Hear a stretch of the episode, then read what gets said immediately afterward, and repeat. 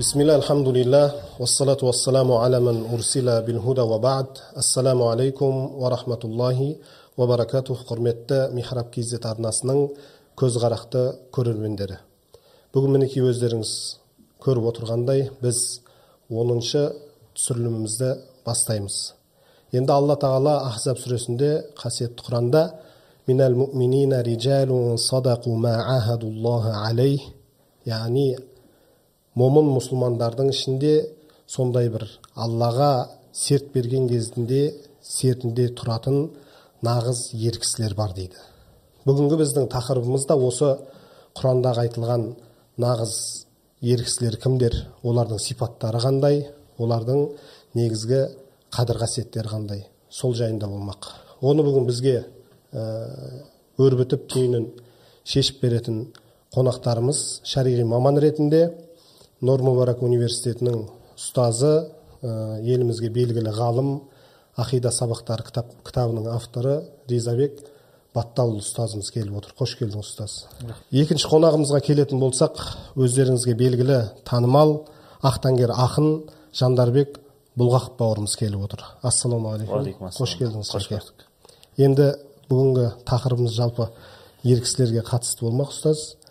Енді ә, жалпы бұл көп созбай бірден сұраққа кірісейік бұл асыл шариғатымызда ер адамның сипаты мен болмысы қандай болу керек? Осы жайында айтып беріңізші бисмиллахи рахмани рахим альхамдулиллахи роббил аламин.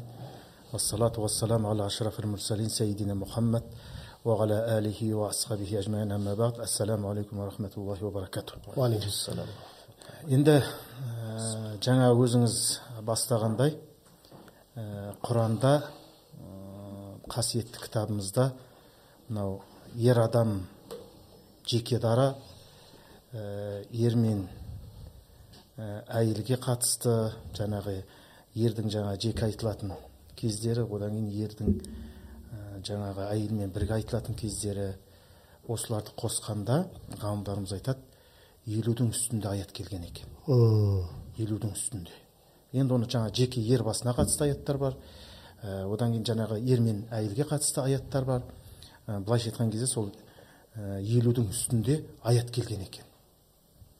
Енді бұл құрандағы ер адамның жеке басына қатысты бірнеше сипат айтылған. Бірнеше сипат. Ә, сол сипаттардың бірінде ә, бірі ә, бірегейі десек те болады. Ол жаңағы мынау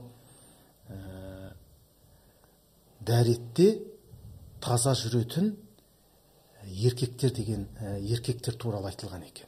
Мысалы алла субхана тағала мына бір аятта айтады. Астағзубилля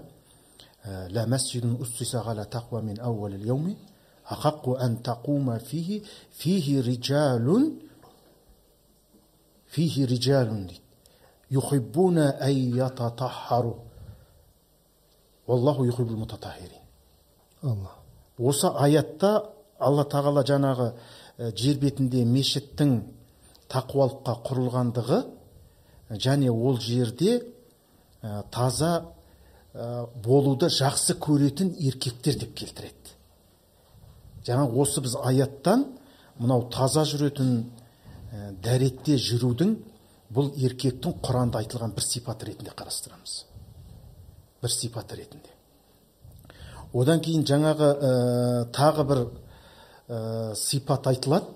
Ә, ол сипатта жаңағы мынау ә, ер адамның жаңағы не бар ғой мынау аллаға келген кезде құдайына келген кезде жаңағы еш нәрсе оны бөгеп қалмайтындығы туралы. Ол туралы алла субхана тағала айтады дейді. Сондай бір еркектер бар дейді ер азаматтар бар дейді. Оны жаңағы сауда саттық оларды бөгеп қоймайды құдайды зікір етуден дейді.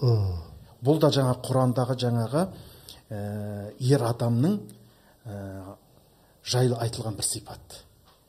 Сондықтан ер азамат ә, мынау ә, алла үшін болған кезде ол бәрін жеп қою керек. Бұл да құранда айтып жатқан алла субхана тағаланың баяндап жатқаны.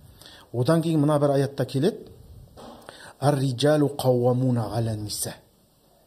Бұл жерде қандай сипатын айтып жатыр?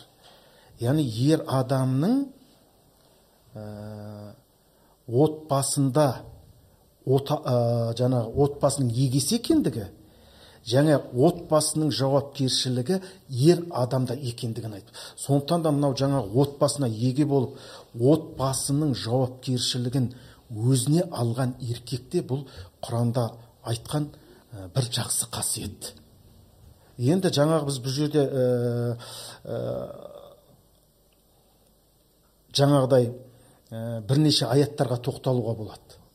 Ал енді жаңағыдай мынау сондай бір ә, жаңағы құранда келетін ер адамның ер азаматтың тағы бір жақсы қасиет сипаты ол жаңағы мынау астағфирулла қауиун әмин біз бұны жаңағы мұса алейхисаламның қиссасындағы шұғайыптың жаңағы екі қызына ә, жаңағы мал суғарушылардың арасынан құдықтан су тартып беріп жаңа қыздары үйіне ерте келген кезде әкесі айтады ғой бүгін сендер қалайша ерте келіп қалдыңдар? деп. Сол кезде айтады ғой жаңа бізге бір ер адам көмектесті қандай дегенде қауиун әмин дейді.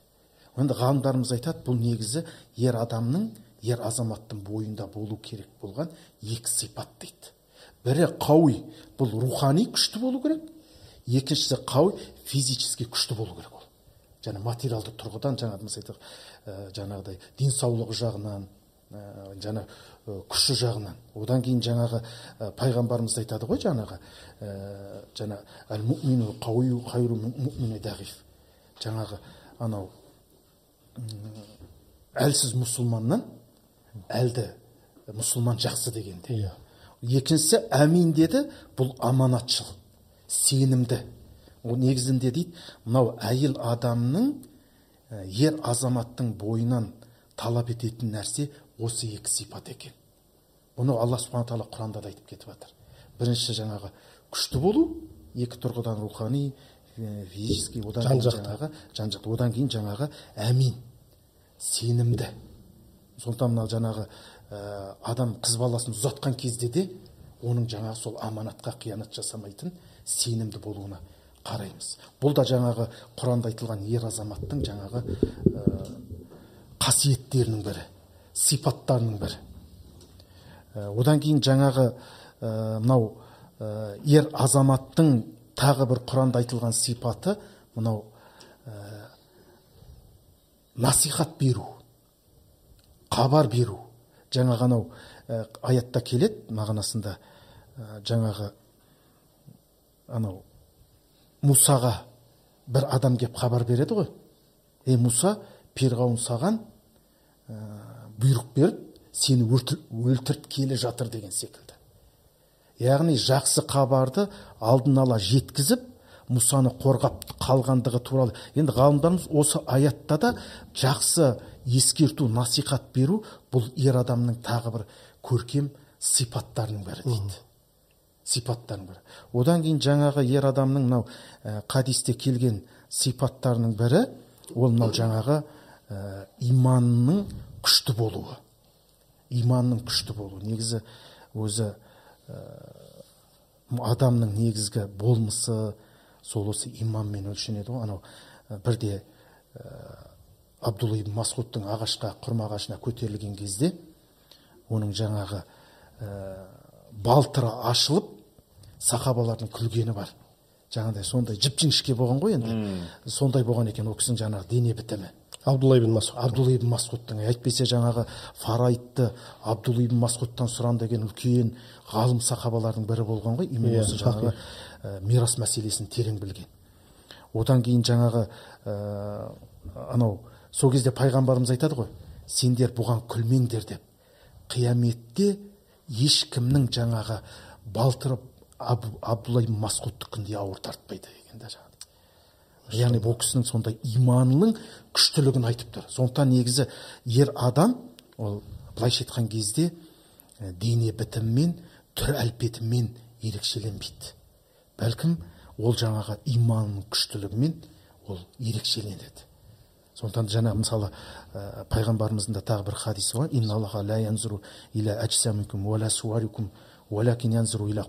Дейді ғой хадисте. Сендердің түр әлпеттеріңе дене бітімдеріңе қарамайды алла тағала сендердің жүректеріңе және амалдарыңа қарайды деген нәрсе бұл да жаңағы ә, иманның күшті болуы ер адамның жаңағы үлкен сипаттарының бірі. Осы енді жаңағыдай ә, біз жаңағыдай одан кейін енді ол ә, тағы бір ә, хадистерді аяттарды келтіре беруге болады. Мысалы тіпті пайғамбарымыз саллаллаху алейхи айтады ғой хайрукум хайрукум линниса бұл да жаңағы ер адамның бойында болу керек хадисте айтылған сипаттың бірі. Айтады ғой сендердің ең жақсы қайырлыларың әйелдеріңе жақсы қарағандарың дейді. Бұл да ер адамның бойындағы қасиет. Өз отбасын қорғауы оларға жақсы қарауы ә, жаңағыдай мынау жиіркенішті бір сипаттар бар да. Мынау құдай қосқан үш төрт дейміз ба бес алты баласының қағып бағып қамқор болып отқан сол балалардың анасын жақсы көрмей жаңағыдай бір басқа бір келіншектерге жаңағыдай көңіл бөліп бұл жаңағы ер адамға жат қылық бұл алла сақтасын бұдан. Сондықтан ер адам ол отбасына қарайды отбасын қорғайды. Ол сырттағы әйелден өзінің құдай қосқан жары балаларының анасын бәрінен жоғары қояды. Міне сол нағыз еркек. А. Ол жаңағы отбасындағы жаңағыдай құдай қосқан жарыңа немқұрайды қарап мына сыртта жаңа қыз келіншекке қырындап оларға гүл сыйлап болмаса оларды жақсы бір ресторандарға апарып жүруің ол еркектік емес. Анау бір өзіңдікі мұздай өзгенікі қыздай деген бір қатты сөз бар ғой. Алла сақтасын одан сондай болып тұр ғой.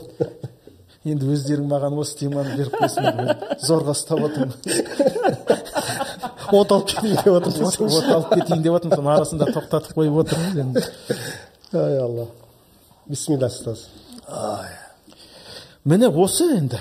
Біз ә, құранды қарап отырсақ бұл алланың бізге түсірген кітабы ол жерде жаңағыдай біз айтып өткен жаңағыдай ә, үлкен ер адамның қасиеттерін тоқталып өттік. Жаңағы таза болу бұл ер адамның қасиеті құранда айтылған.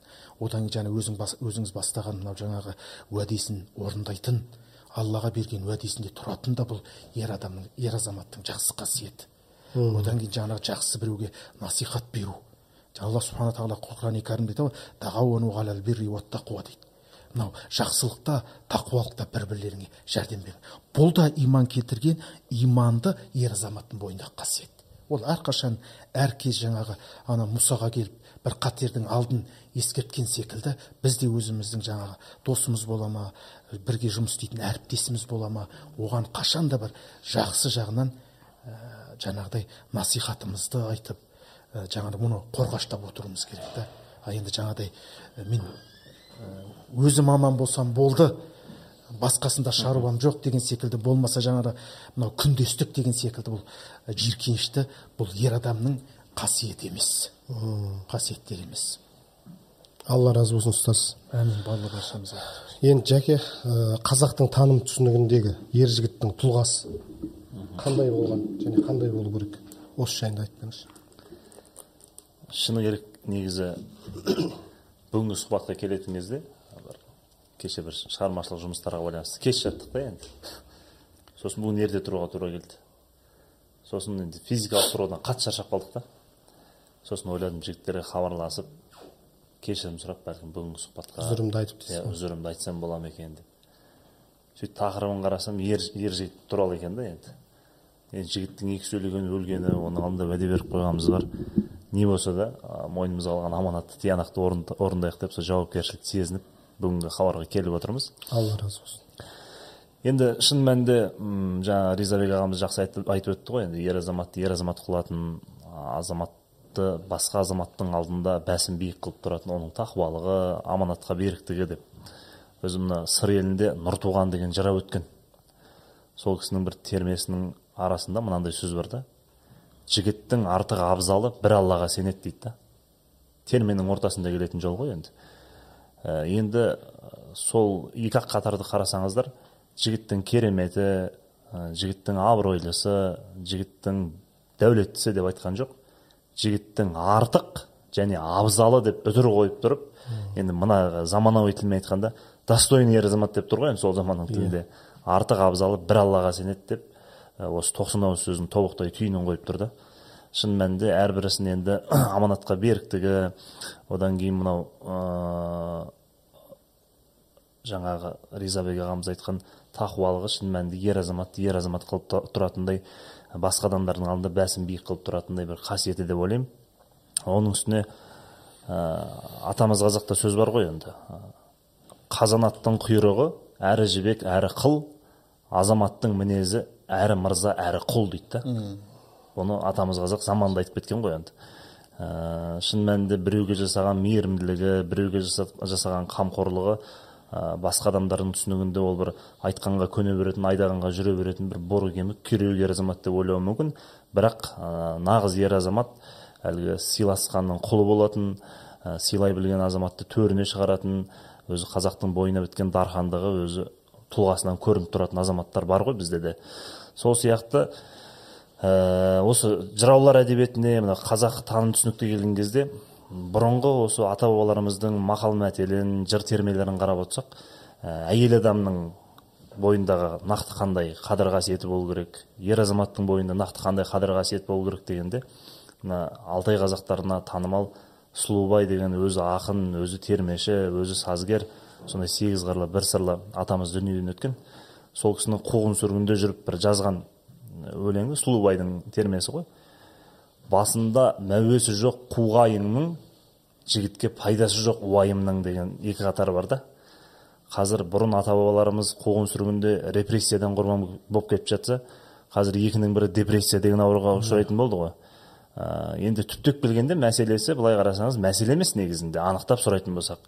Ал ата бабаларымыз не деп кеткен сондай қуғын сүргінде жүріп жігітке пайдасы жоқ уайымның деп ол әлгі дүниені топан су қаптап жатса да тұмсығыңа келгенше қарекет жасама деген сөз емес. Бірақ болмайтын нәрсеге күйреуік бола берме.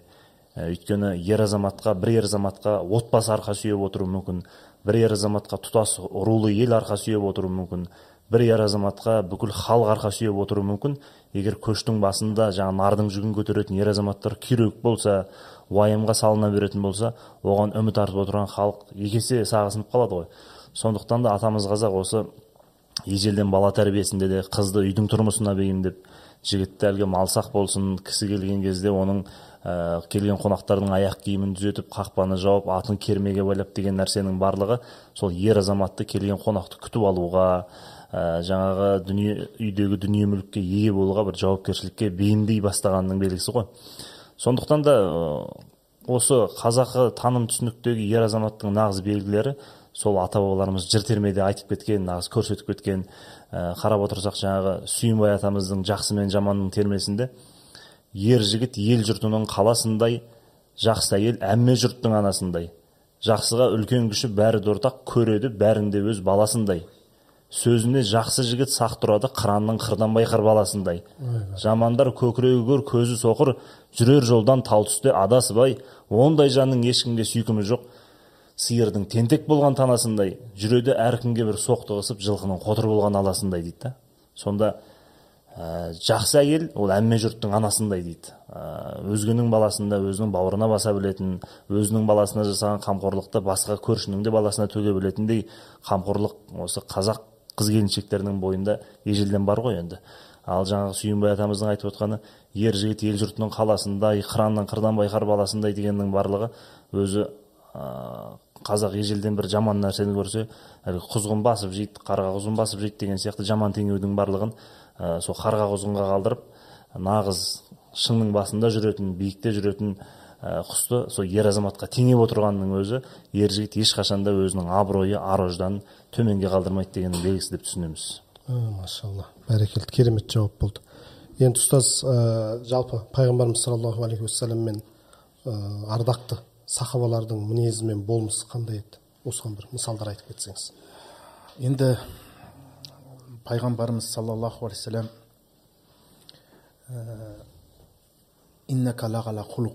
дейді ғой. Алла субхана тағала құран кәрімде сен өте көркем мінезге иесің деген. Енді пайғамбарымыз саллаллаху алейхи вассаламның ер азамат болса ол пайғамбардай болсын. Енді ол теңеу мүмкін ең ұлы идеал дейсіз иә ғой. енді ол. Біз сондықтан жаңағыдай бір жақсы болғымыз келсе жақсы әке болғымыз келсек қоғамда жақсы бір азамат болғымыз келсек ә, досқа бір жақсы дос болғымыз келсек ә, бір жаңағы әлсізге бір қамқоршы болғымыз келсек мен ойлаймын осы қасиеттің бәрі сол пайғамбарымыздың және сол пайғамбардың мектебінен өткен сахабалардың бойында болған. Мысалы пайғамбарымыз саллаллаху алейхи вассалам инни мысалы айтады мен аллаға шүкір етуші құлдардан болмаймын ба?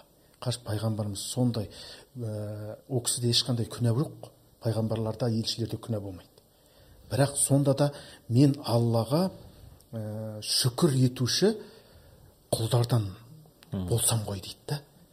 Міне пайғамбардың бойында бар осы бір кіші пейілділік мен ойлаймын әрбір қазақтың бойында болу керек.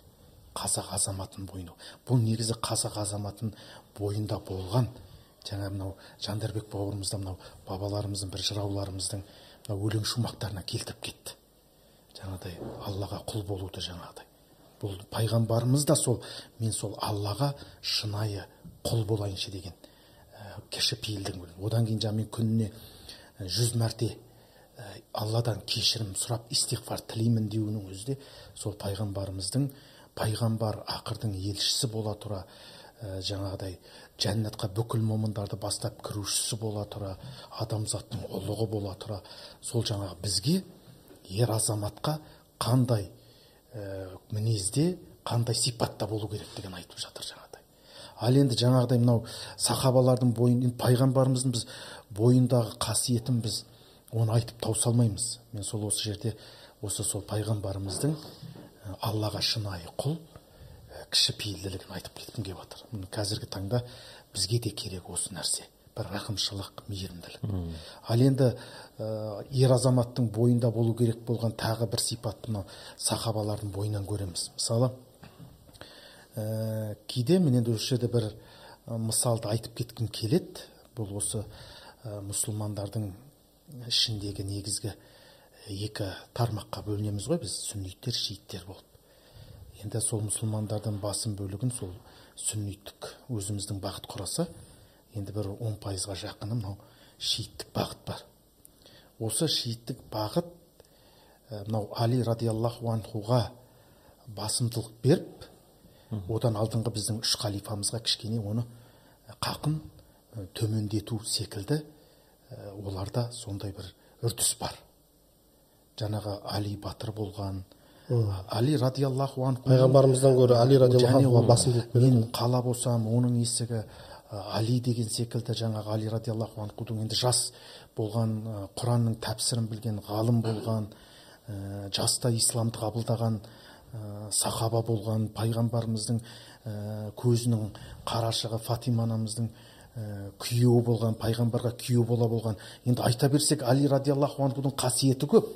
Бірақ алайда одан алдыңғы біз әбу бәкірді ғалымдарымыз айтады егер батырлыққа келетін болсақ дейді әбу бәкірдің батырлығы дейді. Ол али радиаллаху анхудан кем емес дейді. Неге дейді? Мына пайғамбар саллаллаху алейхи пайғамбарымыз ә, дүниеден өтті ғой жан тапсырып. Сол кезде мұсылмандардың сахабалардың бір ауыздан келісімі байғат беруімен пайғамбардың орынбасары болып мұсылмандардың басшысы кім сайланды? Әбу бәкір. радиаллаху анху сайланды. Сол кезде әбу бәкір сайланған уақытта пайғамбарымыздың дүниеден өткендігі туралы хабар тараған уақытта мұнафықтар шықты. Біз ораза ұстайық біз намаз оқиық бірақ зекет бермейік деген секілді.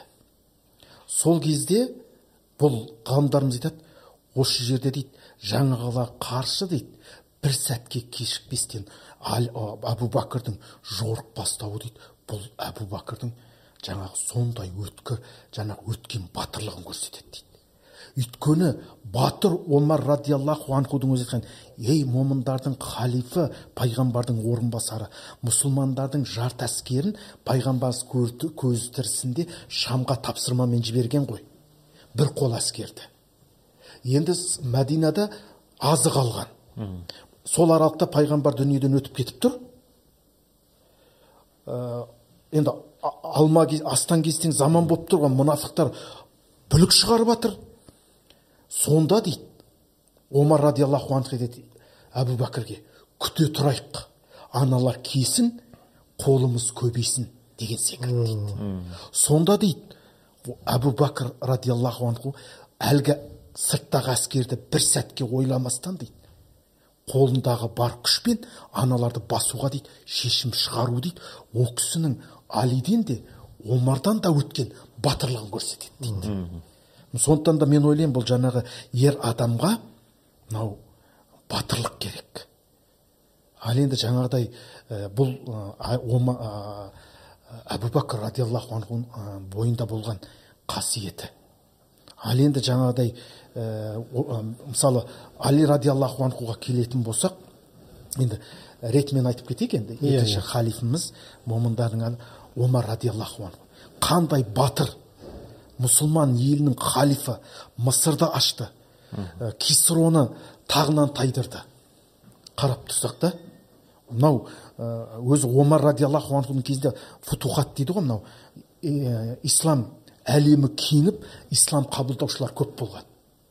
Сол халифа әдеті кешкілік ә, халықтың жағдайын білу үшін ә, қаланы аралайтын болған. Батыр адам бір өзі. Сөйтіп бір күн бір үйдің жанынан өтіп бара жатса үйдің ішінде шарап ішіп отырған адамдардың шарабының дауысы олардың жаңағы әңгімелескен дыбысын естиді. Енді түсінікті әлгі адамның шарап ішіп мас болып отырғанда. Енді ол кезде білеміз ә, пайғамбардың көзі тірісінде ақ ол құран аятымен харам болды. Ә, арақ ішу жаңағыдай. Ол өзінің жаңағы ашу ызасымен кіріп барды. Кіріп барды. Мен сендерге көрсетемін сендер неге шарап ішіп отырсыңдар? деген. Сонда жаңағы арақты ішіп отырған біреу айтты ей омар сен халифа шығарсың бірақ неге сен біреудің үйіне есік қақпай рұқсатсыз кіресің? дейді ғой. Ей мен халифамын мен өзім білем деген жоқ. Өзінің аналардың қателігі ауыр қылмысын көріп тұрса да өз қателігін бірінші орынға қойып айналып шығып кетті. Міне бұл да бір сахабаларымыздың бойында болған қасиеттер осы. Бабаларымыздың да біз бойынан осы қасиеттіліктерді табамыз. Ал енді жаңағы осман радиаллаху анхудың бойындағы ана бірдес пайғамбарымызға әбу тізесінен тобықтан жоғары пайғамбарымыздың аяғы ашық тұрған болатын. Әбу бәкір кіреді пайғамбарымыз сәлем береді де отыра береді. Артынша омар кіреді пайғамбарымыз сәлем беріп отыра береді. Артынша осман радиаллаху анху кірген кезде пайғамбарымыз ыңғайланып жаңағы көйлегінің киімінің етегін тобығына түсіріп жабады бұны байқаған сахабалар сұрайды ғой сонда айтады періштелер ұялатын адамнан мен неге ұялмасқа? Сонда жаңағы сондай ұяты күшті адам болған екен. Осман радиаллаху анху. Міне бұл да ер адамның бойында болу керек сипат. Ер адамда ұят болу керек. Сондықтан пайғамбарымыз айтады ғой саллаллаху алейхи вассалам ұялмасаң білгеніңді істе дейді. Сондықтан мынау адамнан ұят кетсе ол еш нәрсеге таңғалмау керек. Ер адамның жаңағы әйел болып киініп шығуына ә, жаңағыдай болмаса ол ұят болмағаннан кейін иә ол жаңа ер адамның сырға тағып алуына ол таңданудың қажеті жоқ. Өйткені пайғамбар айтты ұятың болмаса білгеніңді істе деген. Ал енді төртінші момындардың халифы ома, ә, али радиаллаху анхуға келетін болсақ бір жорықта ә, анау адамның ә, жаңағы енді жорық қой енді дұшпан ә, қару көтеріп енді сәл қалғанда басын алуға азақ қалғанда әлгі адам бетіне түкіріп жібереді. Сол кезде қараңыз жорық соғыс майдан. Сонда тоқтап қалады. Кейін бұны байқаған адам сұрайды ғой сен ананы өлтір қалу көтеріп басын алғалы жатыр ең неге тоқтап қалдың? мен оның алла үшін дінін қорғау мақсатында өлтіргелі келе жатыр ем. Ол менің бетіме түкіріп қалғанда менің ашуым кеп кетті. Енді қол көтерсем мен алла үшін емес өзімді қорғау үшін болып қаламын деп өзін тоқтатып үлгерген. Сол сипатта міне сахабалардың бойындағы сипаттарымыз. Бұл біздің де мына бабаларымыздың ә, батырларымыздың ә, бойында болған сипаттар ғой жаңағыдай. Өзінің жақынына әлсізге күш көрсетпеген. Жаңағыдай ә, жауын қорғаған елін қорғаған жерін қорғаған. Енді біз ә, сахабалардың пайғамбарымыз саллаллаху алейхи вассалам одан кейінгі ұлы осы исламға қызмет еткен ә, небір жаңағы ә, батыр даналардың ол ә, сипатын қасиетін айтып таң атқызуға болады. Машалла баракалла алла разы болсын ұстаз. Жәке енді қазіргі мысалы осы қазіргі күндегі жігіттердің бойындағы қасиеттерге тоқталсақ мысалы ә, қандай қасиеттерін айтуға болады? Жағымды болсын жағымсыз болсын жақсы жаман және не жетіспейді? Мен бір енді есімін айтпай ақ қояйын бір оқиғаның куәсі болдым. Ә, бір үлкен бір айтысқа барған кезімізде бір елімізге танымал бір саяси тұлғаның қабылдауында болдық бүкіл ақын қабылдауында болып едік. Ә, жаңағы кісі бір сөздің арасында ә, мынау қазіргі ресей қазақтарының арасынан өзі жалғыз суырылып шығып ормандай орыстың ортасында білдей бір қаланың тізгінін ұстаған губернатор аман төлеев деген ағамыз бар ғой. Сол кісі туралы әңгіме болып кетті. Енді біз ол кезде баламыз. Мен он оқимын ба екен он бір оқимын ба екен. Ә, сол кісі қазақстанға келген кезде қазақстанға келген кезде ә, бір үлкен мұражайда көрме өтіп ә, сол жерге бір кісі елбасының музейінен кәдімгі аттың әбзелдерін алып келіп қойған ғой. Мына кісі өзінің жаңағы аманатымен алғанын өзім қайтадан музейге апарып қоямын деп. Сол жердегі екінші бір кісі жаңағы аман төлеев ағамызға сол ер тұрманды сыйлап жібереді. Қыз балықпен ба қалай сонда? Жоқ кәдімгі мәрттікпен енді елге келіп тұр екенсің деген сияқты. Ол кісі де лауазымды кісі. Мына кісі енді ортада оны мен бере алмаймын деп айта алмайды сондай оқиға болған. Енді ол аман төлеев сол бір ер тоқымды тастап кеткен шығар бір жерге. Деген сияқты әңгіме болып жатыр да. Сонда бір ағамыз айтты «А, енді қазір осында бір қырыққа жуық қазақ отырмыз елде отырмыз біз көк тудың астында. Өзі аман төлеев бауырымыз ә, өзі сыртта жалғыз жүр оның үстіне оңай мемлекетте қызмет жасап жатқан жоқ. Мейлі сол аман сол ер тоқымның қадіріне жетпей бір жерге қалдырып кетсін дейік. Бірақ біз соны елдің ішінде жүрген кезде айта жүрейікші. Соны аманжан туған жердің көзіндей қылып үйінің апарып төріне апарып қойып қойыпты деп айта жүрейік. Өйткені бір қазақ бір қазақтың сыртынан оның үстіне ер азаматтың сыртынан елде отырып алып бұндай сөз айтып жүргеніміз жарамайды. Біз сыртта жүрген азаматтардың қадіріне жетейік деп жаңағы кісінің лауазымына қарамай ә, кәдімгідей тоқтау айтты. Әлгі абай атамыз айтады ғой мықтыларың сөз айтса бас изейсің шыбындап деп. Кейде бізде болады бір ә, өзінен лауазым дәрежесі үлкен адам ә, айыпты қылып бір адамды сыртынан тілдеп жатқан кезде араша түсе алмай қалатын кездер болады оны жасыратыны жоқ. Бірақ жаңағы кісі өзінің өмірі бар өзінің жеке басы бар соның барлығын құрбандыққа шалып келесі бір ер азаматтың ар ожданына қорған болып тұр да сыртта отырып. Шын мәнінде біз сүйсініп қалдық осы ісіне. Өйткені ә, қазақта бір жақсы сөз бар ғой. Ә, жақсылыққа жақсылық әр кісінің ісі дейді да. Жамандыққа жақсылық ер кісінің ісі дейді. Ә, жақсылыққа жақсылық әрқайсымыз жасай береміз. Ә, біреу үйіне шақырса сіз де оны үйіңізге шақыруыңыз мүмкін алыс беріс барыс келіс болуы мүмкін.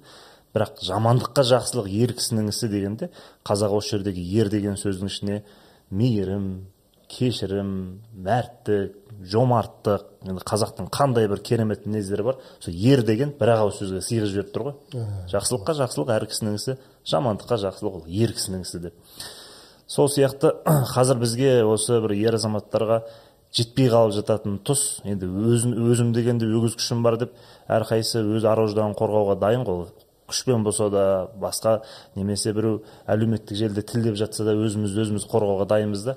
Бірақ бір қазақтың баласы ә, мынау қоғамдық пікірге түсіп қалған кезде соған араша болып бас көтеретін ешкім жоқ та. Ә, кеше ғана мысалы ә, ермахан ибраев ағамыздың сұхбатына байланысты көп бір талқылаулар болып кетті ғой енді. Енді ә, бұл жерде ол кісі кәсіби спортшы енді саясатқа енді ғана қадам басып жатырмын деп әлгі мектепке енді ә, табалдырығын енді аттадым дегендей өзі бір жүрек жарды пікірлерін айтып жатыр. Бірақ кәсіби журналистке сұхбат беріп тұр ғой ол жерде.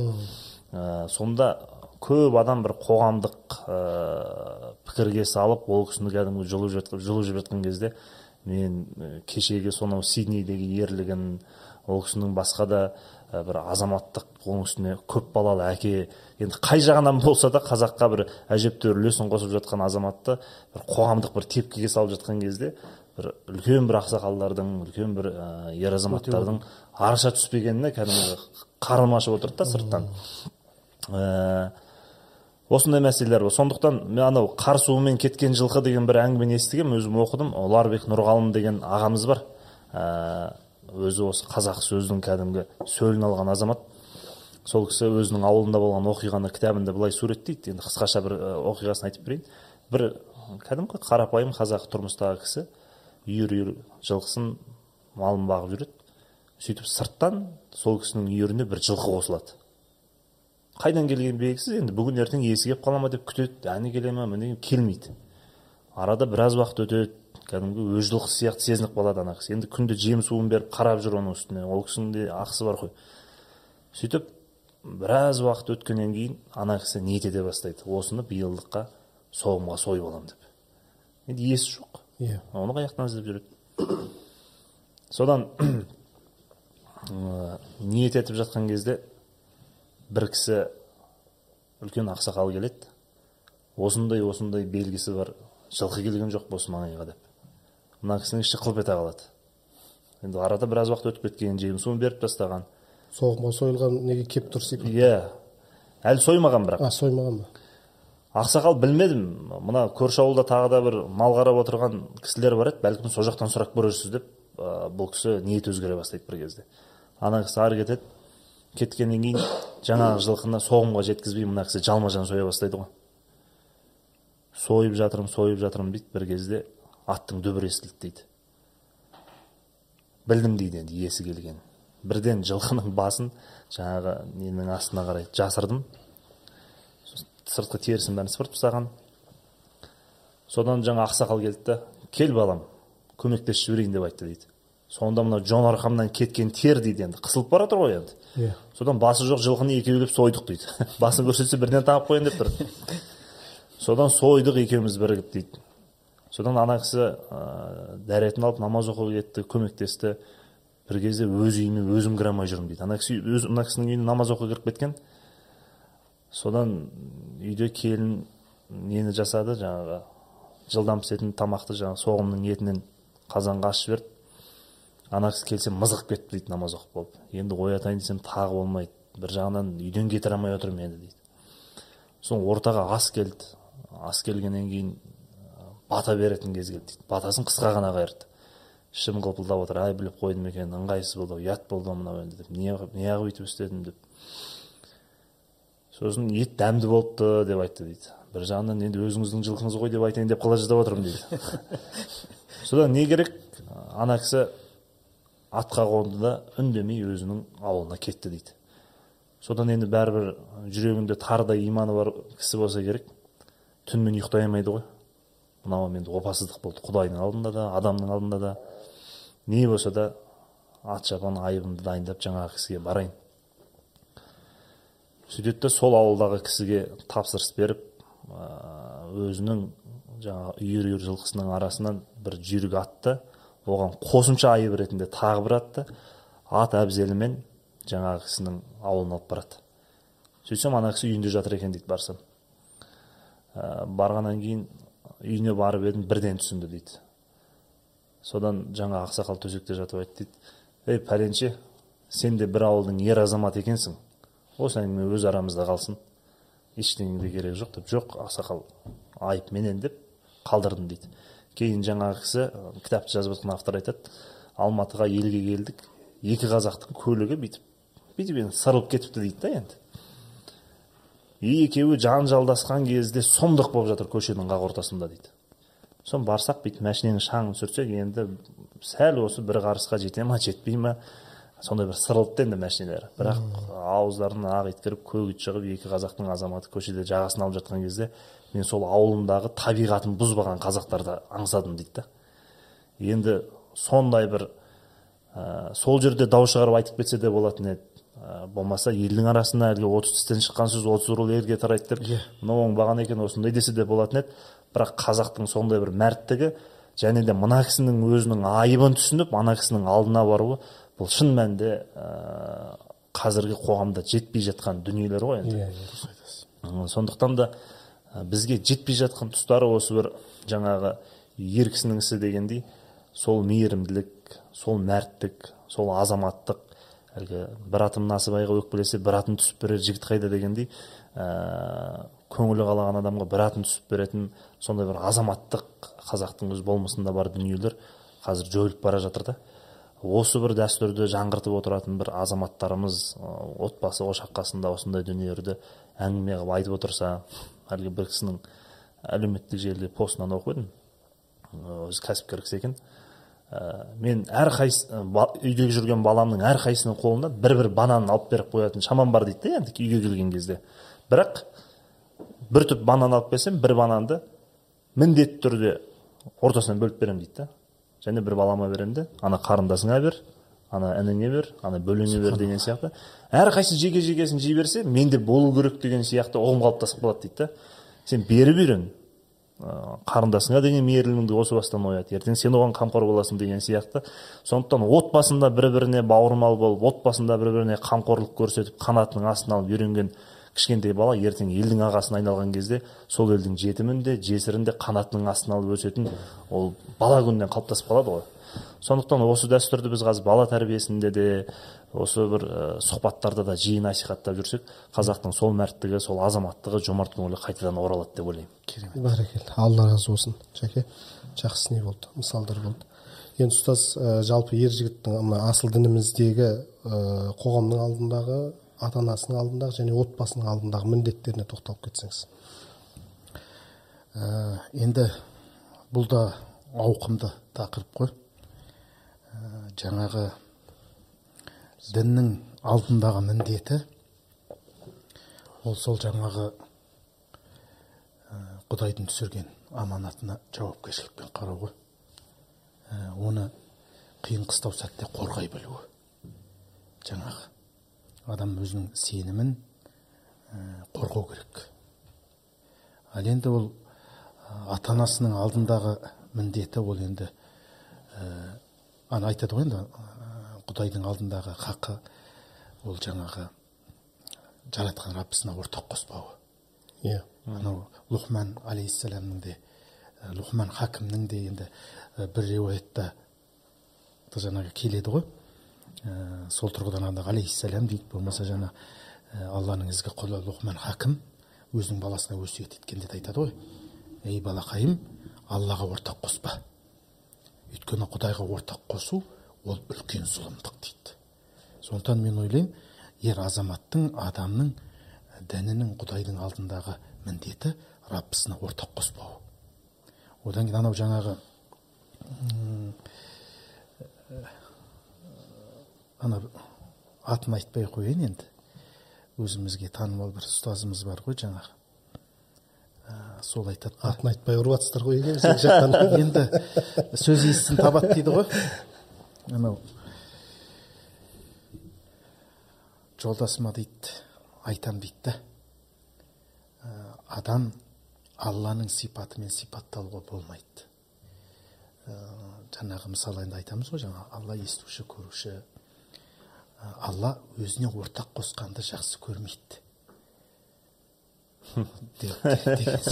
сондықтан әйел адам сол секілді әйел адамды енді өзіне ортақ қосқанды қаламайды ғой. Иә олай істеуге болмайды деп енді жаңағы анау құдайды таухидшыл қылып жатыр дейсіз ғой.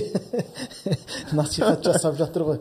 Ә, енді анда анау ә, енді анау ер адамбыз ғой жаңағы. бір кісіге жамағаттың анасы қайтыс болып көңіл айтып барып отырмыз енді. Анау әкесі жылай береді ер адам алпыстан асқан баласы отыр жанында. Сосын мен айтамын да ақсақал аға неге жылайсыз? деймін. Сіз бар болғаны құдай қосқан бір отыз қырық жыл отасқан жұбайыңыздан ғана ажырасып отырсыз айырылып отырсыз. Ана қасыңызда отырған бала ол анасынан айырылып отыр. Бұл кімге ауыр? Сіз бала анасынан айырылды. Анасына оған енді ол анасы табылмауы мүмкін. Енді ананың орнын баспайды ғой орны бөлек қой. Ал енді сіз айырылсаңыз оны орнын басатын адам табуға болады ғой деп жатырмын ғой. Сөйтсем мен анау жаңа ғана осынша жыл бірге болған айырылып қалдым айырылып қалдым деп жылап отырған ер адам жаңағы енді құдай қаласа мына жыл өтсін мына балаңыз иманды жан түсінеді құдай қаласа біреуді тауып береді десем жаңа жымың жымың етеді. Соның артынан ойлап жатырмын да жаңағы қанша дегенмен ер адамбыз ғой деймін да көңіліміз бос жаңағы. Енді ер адамның адамзаттың ол дін құдайының алдындағы міндеті оған ортақ қоспауы. Енді отанына келетін болсақ енді анау отанды сүю иманнан дейді ғой. Жаңағы енді әлсіз болса да хадис қой енді. Біз енді қанафи масқабында дағип болса да ол қиястан алдын тұрады да. Негізінде мынау хадиспен жүретін негізі қанафи масқабы да. Мынау шафиғи масқабында дағип хадистен қияс алдын тұрады. Қияс деген ол имамның іштихаты иә иә. А енді абу ханифада дағип болса да қиястан алдын тұрады хадис қиястан алдын тұрады. Жоғары тұрады иә. Хадис та ол. Иә иә. Әлсіз болса да. Сондықтан негізінде біз хадиспен жүреміз да. Анау жаңа хадисті айтпақ болғаным ғой жаңағыдай.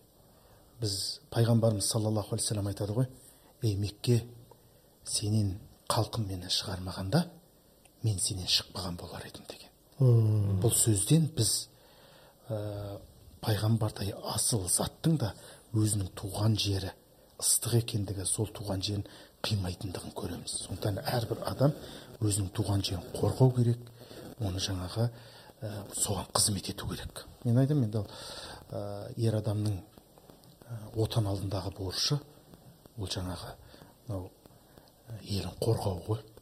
Елін қорғау. Ал енді ер адамның ата ананың алдындағы міндеті енді бұл ә, ең үлкен міндеті ғой. Енді пайғамбар ғалымдарымыз айтады ғой үш нәрсе үш нәрсесіз қабыл болмайды дейді. Біріншісі дейді кімде кім лә илаха иллалла деп айтып мұхаммад расулалланы қоспаса дейді оның кәлимасы пайда бермейді дейді мысалы христиан келіп айтса мен алладан басқа тәңір жоқ деп айтайын бірақ мұхаммед оның елшісі деп айтпай ақ қояйыншы десе оның кәлимасы пайда бермейді. Сондықтан міндетті түрде кім лә илаха иллалла десе ол мұхаммаду расулалла деп қосу керек. Алладан басқа тәңір жоқ мұхаммед оның елшісі. Екіншісі дейді кімде кім намаз оқып зекет беруге шамасы келіп зекет бермесе намаз қабыл емес дейді. Алла тағала құрани кәрімнің бір аят емес бірнеше аятта дейді. Екеуін қатар айтты намаз оқы зекет бер намаз оқы зекет бер. Екеуі қатар жүреді дейді.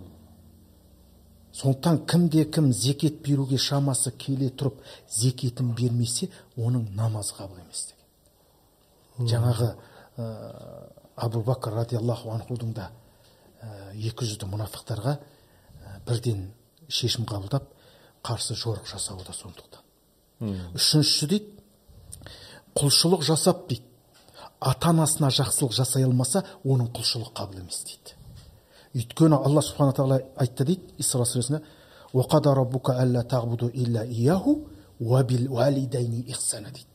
алла тағала өзіне ортақ қоспай құлшылық етуді бұйырды дейді. Содан кейін дейді ата анаға жақсылық қылуды нетті дейді. Сондықтан құлшылық жасап тұрып ата анаға жақсылық қылмаса дейді оның құлшылығы қабыл емес деген. Сондықтан біз осыдан көреміз. Ә, баланың ә, жаңағы ер азаматтың ата анасының алдындағы міндеті оларға жақсылық жасау. Алла тағала құран кәрімде айтады ғой кішкентай күніңде олар сендерге рақымшылық еткенде дейді. Олар ер жеткенде сен де оларға рақым қанатын төс дейді. Анау қазақта айтады ғой қартайғанда бір бала деп. Ол көңілшек келеді. Ол сөз көтермейді. Иә. Ә, жаңағыдай. Оны жаңағы қартайған сайын өзі кішкентай бала сияқты болып қалады екен ғой бірдеңе әпермесең ренжіп қалады деген секілді. Және пайғамбарымыз саллаллаху алейхи вассалам айтты ғой ата анасын қолында қартая тұрып жәннатқа кіре алмай қалғандарға таң қаламын деген. Сондықтан кімнің ата анасы қолында болса демек оның жәннатқа бару жолы деген сөзді. Және енді ол ә, жәннат ә, ананың табанының астында деген секілді ә, осындай үлкен насихаттар бар. Негізінде қазір мынау ә, жаңашылдық деп ә, мына қазақы ә, мәдени салт дәстүрден діни ә, жаңағы танымнан ә, алыстап жатқан ә, адамдар ертең қартайғанда өздерінің қателескендерін түсінеді. Бірақ ол кеш болады. Олар қазір айтып жатыр біз ә, 21 ғасыр біз орта ғасырлық мәдениетті қоюымыз керек біз ол ұят қазір біз 21 ғасыр біз жаңағы мынау ә, батыстан қалмауымыз керек деп олар ойлап жатыр қазір. Балаларын сол негізде тәрбиелеп жатыр. Бірақ ертең сол тәрбиесінің негіз жаңағы жемісін ол қартайған шағында көреді. Әке ана сіздерге бізбен тұру қызық емес. Сіздер анау қарттар үйіне барып тұрыңыздар ол жерде ә, курстастарыңыз бар. Сол кезде көреді олар. Сондықтан біз мынау ә, батыстың ә, біз жаңа мынау жақсы көлік жақсы киіміне ә, қызықпауымыз керек. Олар неге жетті? Нәтижесіне қарау. Батыс мәдениеті неге алып келді? Мысалы біз оны осы соңғы жүз жылдықты қарайық. Соңғы жүз жылдықта батыс мәдениеті неге жетті? Дұрыс ол технологияда олар айға жетті қазір марсқа барды. Олар жаңағы қазір ана электромобиль шығарып жатыр Ә, жақсы. А бірақ адами құндылық қандай деңгейде? Сондықтан біз олардан нені алу керек нені алмау керек біз шатыстырмауымыз керек. Біз қазір ойлаймыз біз ә, қазір ә, қазақ ә, мынау үлкен бір дамыды дамыған жаңағы бәлен елдің қатарына қосыламыз дейді. Біз немізбен қосылайық деп жатырмыз біз.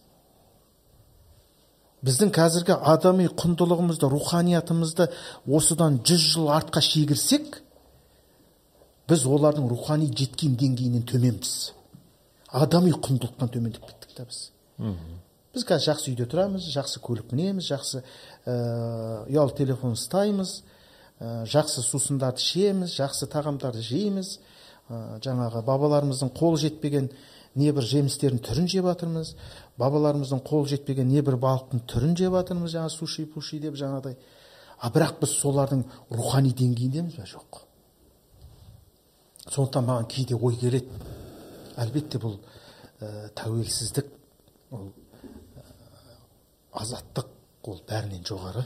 Ә, әрбір халық үшін. Егер біз қазір саралап айтатын болсақ осыдан мысалы біз нәубетті ашаршылыққа айтамыз. Ашаршылықты. Ол бір үлкен қасірет.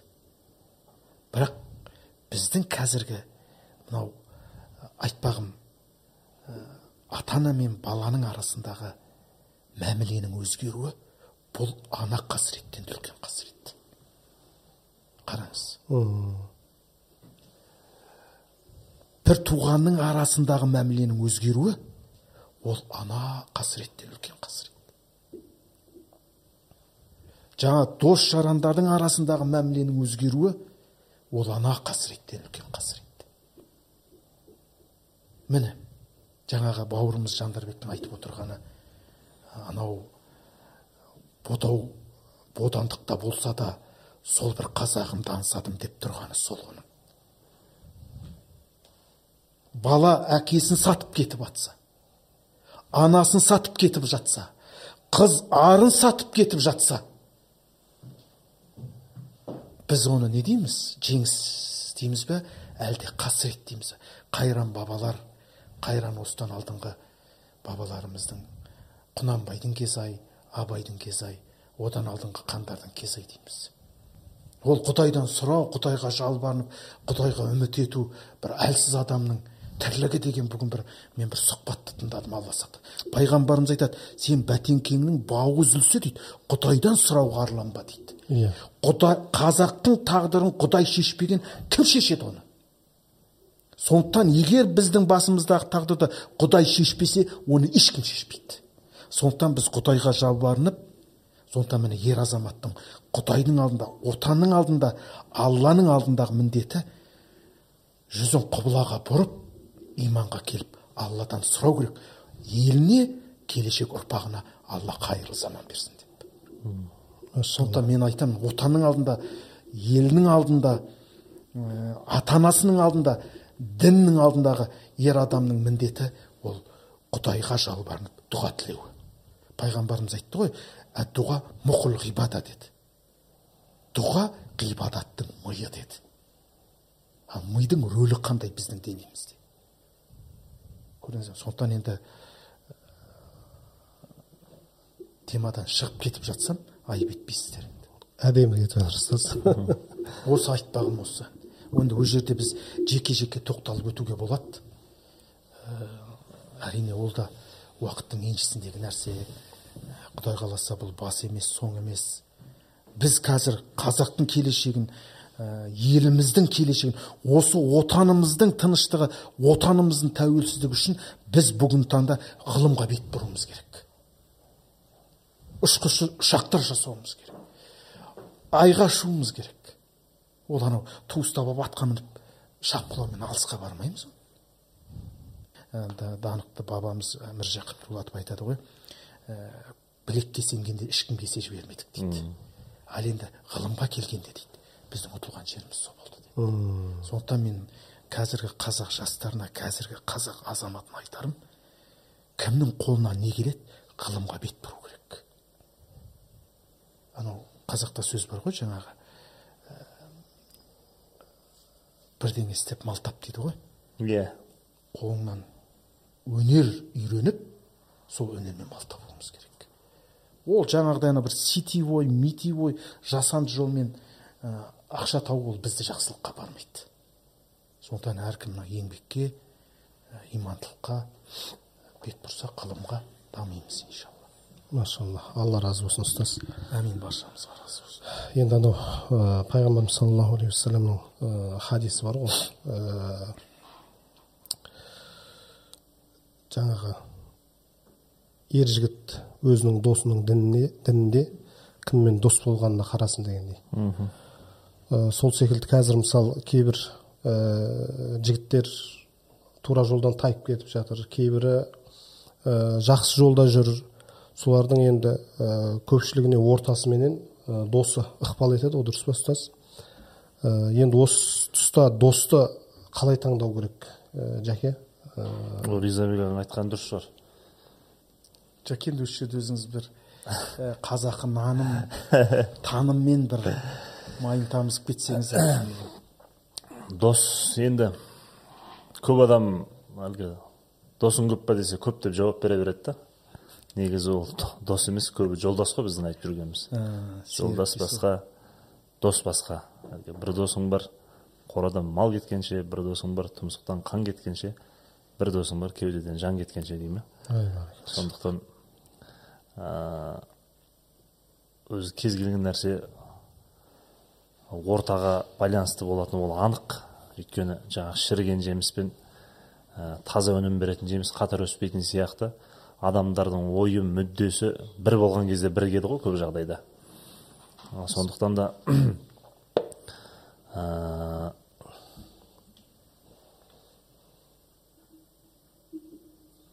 көп жағдайда осы жолдас пен достың ара жігін кішкене ажыратып алған бізге ә, дұрыс сияқты. Не айтамын деп тұрмын жаңағы бір жақсы мысал есіме түсті ұмытып қалдым. Кофеден ойланып жіберіңіз есіңізге түседі. Иә.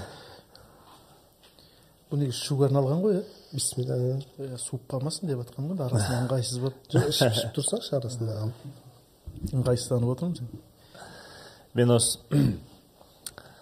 қазір тәпсірін ризабек аға жақсылап айтып беретін шығар. Бір жұма намазында астанада нұр астана мешітінде бір жақсы насихат естідім да әлгі жұма сайын оқылатын кахф сүресіндегі үш тақуа жігіттің оқиғасы бар ғой. Сонда ә, үшеуі үңгірге тығылатын тұста ә, аятта бір ит туралы айтады ғой ризабек аға. Олардың иттері ұзыннан бүйтіп жатты деген жер соны жаңа имам кісі айтып жатыр да. Осы дәл осы оқиғаға иттің ешқандай қатысы жоқ дейді. Болып жатқан оқиғаға иттің ешқандай қатысы жоқ дейді да ол болып жатқан процеске үшеуі елден озбырлық көріп діндерін сақтап қашты сөйтіп алла тағала итті айтты дейді да.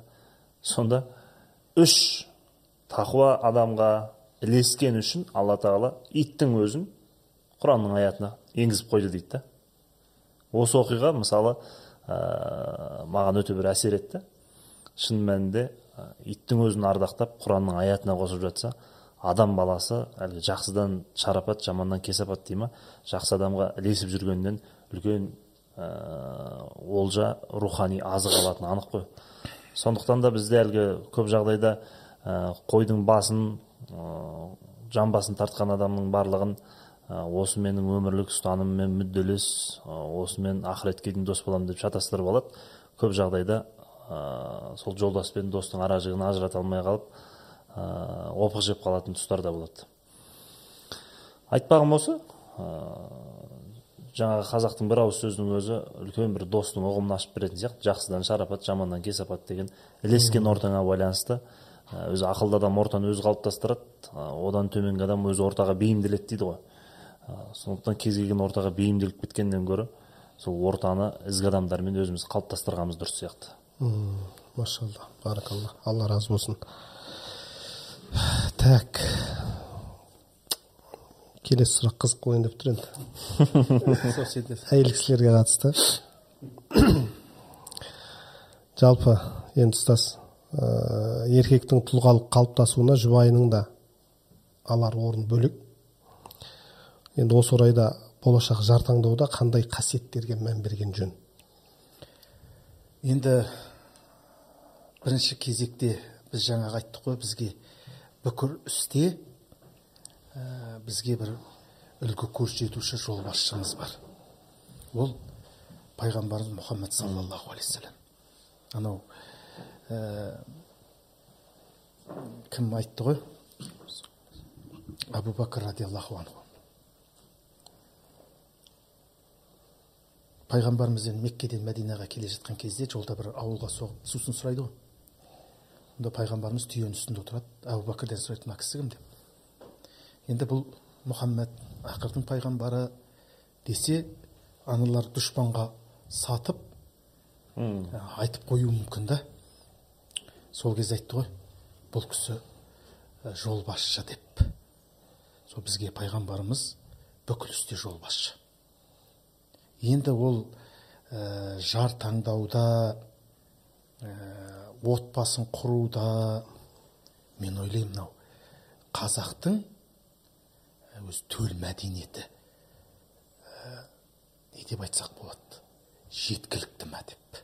Сол дінімізбен біте қайнасқан сол төл мәдениетіміз осы жар таңдауда құда түсуде бұл өте енді бай ғой. Біздің мынау бай мұрамыздың бірі мынау ә, жаңа өнеріміз бар мына жандарбек бауырымыз ә, бас болып жүрген айтыс өнері бар. Сол мынау бай мұрамыздың бірі осы қазақтың отбасы институты. Мынау отан отбасынан басталады. Ұяда не көрсе ұшқанда соны іледі деген. Бұл енді тұнып тұрған бір дейді, ғылым жаңағы мәдениет сондықтан енді бұл жерде үйлену оңай үй болу қиын жаңа қызға қырық үйден тыйым жаңа деген секілді. Қаншама жаңағы анасына қарап қызын ал деген секілді жаңағыдай ә, мысалы айтады ғой жаңағы ә, жал құйрығы қалың деп жабыдан айғыр салмаңыз қалың малы арзан деп жаманнан қатын алмаңыз дейді. Жабыдан айғыр салсаңыз жауға мінер ат тумас. Жаман қатын алсаңыз жауға шабар ер тумас дейді. Енді бұны қазып біз қоздап кете беретін болсақ енді көрдіңіз ба біз сол ә, жаңағы сөзіміздің басындағы батыс деген ұғымнан шығып біз сол жалған ұранға уланып біз сол негізгі байлығымыздан айырылып қалып ғой. Көрдіңіз ба біз жаңағыдай оның киім киісі көзін боясы оның соны біз білет жастар жасанды қабақ жасап бояп алып тұрғанын білет сол қаншалықты анау жаңағы тыртыстырып кисе қаншалықты жаңа дене бітімі көрінсе ол сондықты оны сұлу деп ойлайды да. Қазақта айтады сұлуынан жылуы дейді. Бұның бәрі тұнып тұрған жаңағы мәдениетте ал енді біз сол әңгімеміздің басы мынау ә, пайғамбарымыздың тункахул марату алал әйел төрт нәрсесіне қарап таңдауға болады. Немесе әйелдің төрт нәрсесіне қарап үйленесің дейді. Жаңағы айтады ғой ә, сұлулығына керек сұлулық ә, екінші насабына тегіне қарап. Ол бізде де бар. Текті жерден қыз алу жаңағы айтып жатыр ғой ә, қалың мал арзан деп жаман қатын алма деп жатыр яғни ол мәселе жаман ел болмай жаман адам болады. Яғни тегіне қарап анау айтады ғой қымыздың сабасы ә, қымыздың жақсы сабасынан жігіттің жақсы нағашыдан бұның бәрі сол жаңағы тек сен ұрпағыңның келешегін фигурасына қарап емес. Оның бойына қарап маған жаңа бірде бойы 80 керек жаңа 85 керек жаңағыдай. Ән жері андай мін жері мұндай. Ол да анау батыстың стандарты ғой деймін. енді сол мәдениет кіріп кетті ғой бізге жаңа. Мына орыс ұлтымен араластық. Соның бәрі жаңағы кірді ғой қазақта жаңағыдай ә, бәрі басқаша болған ғой бізде. Сол кезде батырлар да туған жаңағы. Айтады ғой ана жаңағы ә, батырды қазақтың әрбір долы екі қатын әрбір қатыны туады. Ал биді жаңағы ілуде біреу туады деген секілді. бұның бәрі сол бір мәдениет қой. Қараңыз анау жаңағы ә, келдібектің әкесін тыңдап анау аяғы ақсақ қызды алуы. Одан жаңағы кемеңгер би қазбек бидің дүниеге келуі қонтайшының он жасында қонтайшының алдында жаңағы ә, уәжін айтып орнына қойған деп жаңағы қазіргі тілмен айтып қараңыздар міне. Сол пайғамбарымыз айтып жатыр сұлу, сұлуына қарауға болады әдемілігіне нәсабына қарауға болады ә, және ол мәлиха дейді жаңағы оның жаңағы мал дүниесіне қарауға. О дин төртінші діні дин дейді төртіншісі дін тақ діндарлығына қара деген негізінде ғалымдар айтады бұл діндарлығын пайғамбарымыз бірінші айту керек еді дейді да неге біліп пайғамбарымыз оны біліп соңын айтты дейді өйткені бұны дейді еркектің азғана істейді дейді көрдіңіз ба жаңағы анау бабамыздың келдібектің жаңағы ә, былай қарасаң жағдайы бар адам шертіп жүріп алуға бірақ сол ана анамызды алып сол анамыздан жаңағыдай бабаның дүниеге келуі кемеңгердің жаңағыдай қараңыздар жаңағыдай. Ол біз ә, мал таныған халық адамды да таныған ғой. Анау кезінде ә, бұхараның ханы дейді ә, нақты кім екенін енді ол тарихшылар білу керек. Ә, төле биге келіпті дейді жаңағы сен қазақтың кемеңгері данышпаны дейді. Осы менің тегімді айтып берші дейді. Сенің тегіңде қандық жоқ тексізсің деген екен да сосын айтты мынаны сен мына сөзді менің әскерімнің алдында айтқанда басыңды алар едім. Жеке айтқаннан кейін жарайды кештім деген да а оны қайдан білдің деген? Сен әскеріңнен бері маған келе жатқанда деген. Артыңа бұрылып үш рет қарадың дегенді батыр артына бұрылып қарамайды деген екен. Текті адам да жаңағыдай. Енді жалтақтаған ғой қазір иә, андай иә. мындай болып қалса деген Иә, иә. бұл қанның сипаты емес. Біздің қандарымыздың бәрі батыр болған ғой. Айжат сені осы керемет көріпкел сыншы дейді. Мына атымды сынап берші деген ғой астындағы аты емес есек деген ғой. Енді төле би осы жерде қателесесің деген ғой. Осы жерде қателесесің. Бұл атасы бәлем биесі түген деген ғой. Соны атқосшысын шақыршы деген. Атқосшысын шақырып айт деген ғой. Сонда қане ием кешіріңіз. Бұның енесі өліп қалғанда есектің сүтін берген едік деген сонда сен бұны қайдан білдің деген кісінеген кезде екі өкпесін қағып кісінеді сәйгүлік өкпесін қақпай кісінейді деген. Есек сияқты шыңғырған ғой мен айтпағым жаңағы біздің бабамыз таныған ғой. Иә. Иә сондықтан кейде мынау жаңа қыз таңдауда мынау тәжірибесі бар көне көз қариядан ақыл сұраған да керек. Енді біз оны қазір жаңағы қалдық. Неме дейді? Ескі дәстүр дейміз. Бала жас. Ол өзінің сүйгенін алу керек дейді. Әй сүйсе солар неге өмір бақи сүйісіп кетпейді? Қараңыз. Отау болмай жатып шаңырақ шайқалып жатқандар бар. Иә иә иә. Сондықтан енді бұл қазақта енді бұның мәдениеті өте терең. Мен ойлаймын соны қозғап соны қайта жандандыру керек. Сондықтан бұны жаңағыдай бір ә, жастарда ерік бар алайда ол жаңағы не дейді? Жас болғаннан кейін енді ол жаңағыдай асығыстық болады ғой. Сондықтан осы жерде үлкендердің көмегі болу керек. Парасат иә жетіспейді. иә. Жәке осы? алла разы болсын ұстаз. қазір бұл жерде мен шариғатты айтып кетсем болмаса қазақы дәстүрді айтып кетсем мына жастарымыз ойлауы мүмкін. Енді бұлар ескінің адамы ғой деп. Сондықтан олардың да жаңа көңіліне келмейік бірақ бар нәрсе мен оны әрқашан әрдайым айтамын. Әрине. Отан отбасынан басталады осы сөзді бұл не деп айтсақ болады? Негізі қазақтың ұраны болу керек. Ол ана мектептен емес балабақшадан емес институт университеттен емес. Адамның болмысы қазақтың болмысы. Ау шаңырақта. Сондықтан оны қара шаңырақ дейді өзі қара деген сөзді қасиетті деп қара сөз дейді абайдың. Алла разы болсын ұстаз. Бәрі бір қазақ. Енді жәке қазіргі таңда ер жігіттердің көбісі білесіз. Араққа темекке кальян шықты мысалы қазір одан да басқа сондай нәрселер көп қой мысалы адам денсаулығына зиян. Сол нәрселерге құмар. Және осы себепті қаншама айрандай үйіп отырған отбасыға от түсіп не қылып жатыр? Қирап жатыр былайша айтқанда. Енді осы нәрсеге ә, осыларға бір айтар насихатыңыз болса қалай арыламыз бұл нә- бұл нәрседен? Неге мән беру керек? Ә, есенқұл жақыпбеков деген ақын ағамыз өтті ғой дүниеден. Сол кісінің әлгі біздің елдің жігіттері жігіттердің төресі. Олар жайлы ағайын жұрт не білесің сен осы?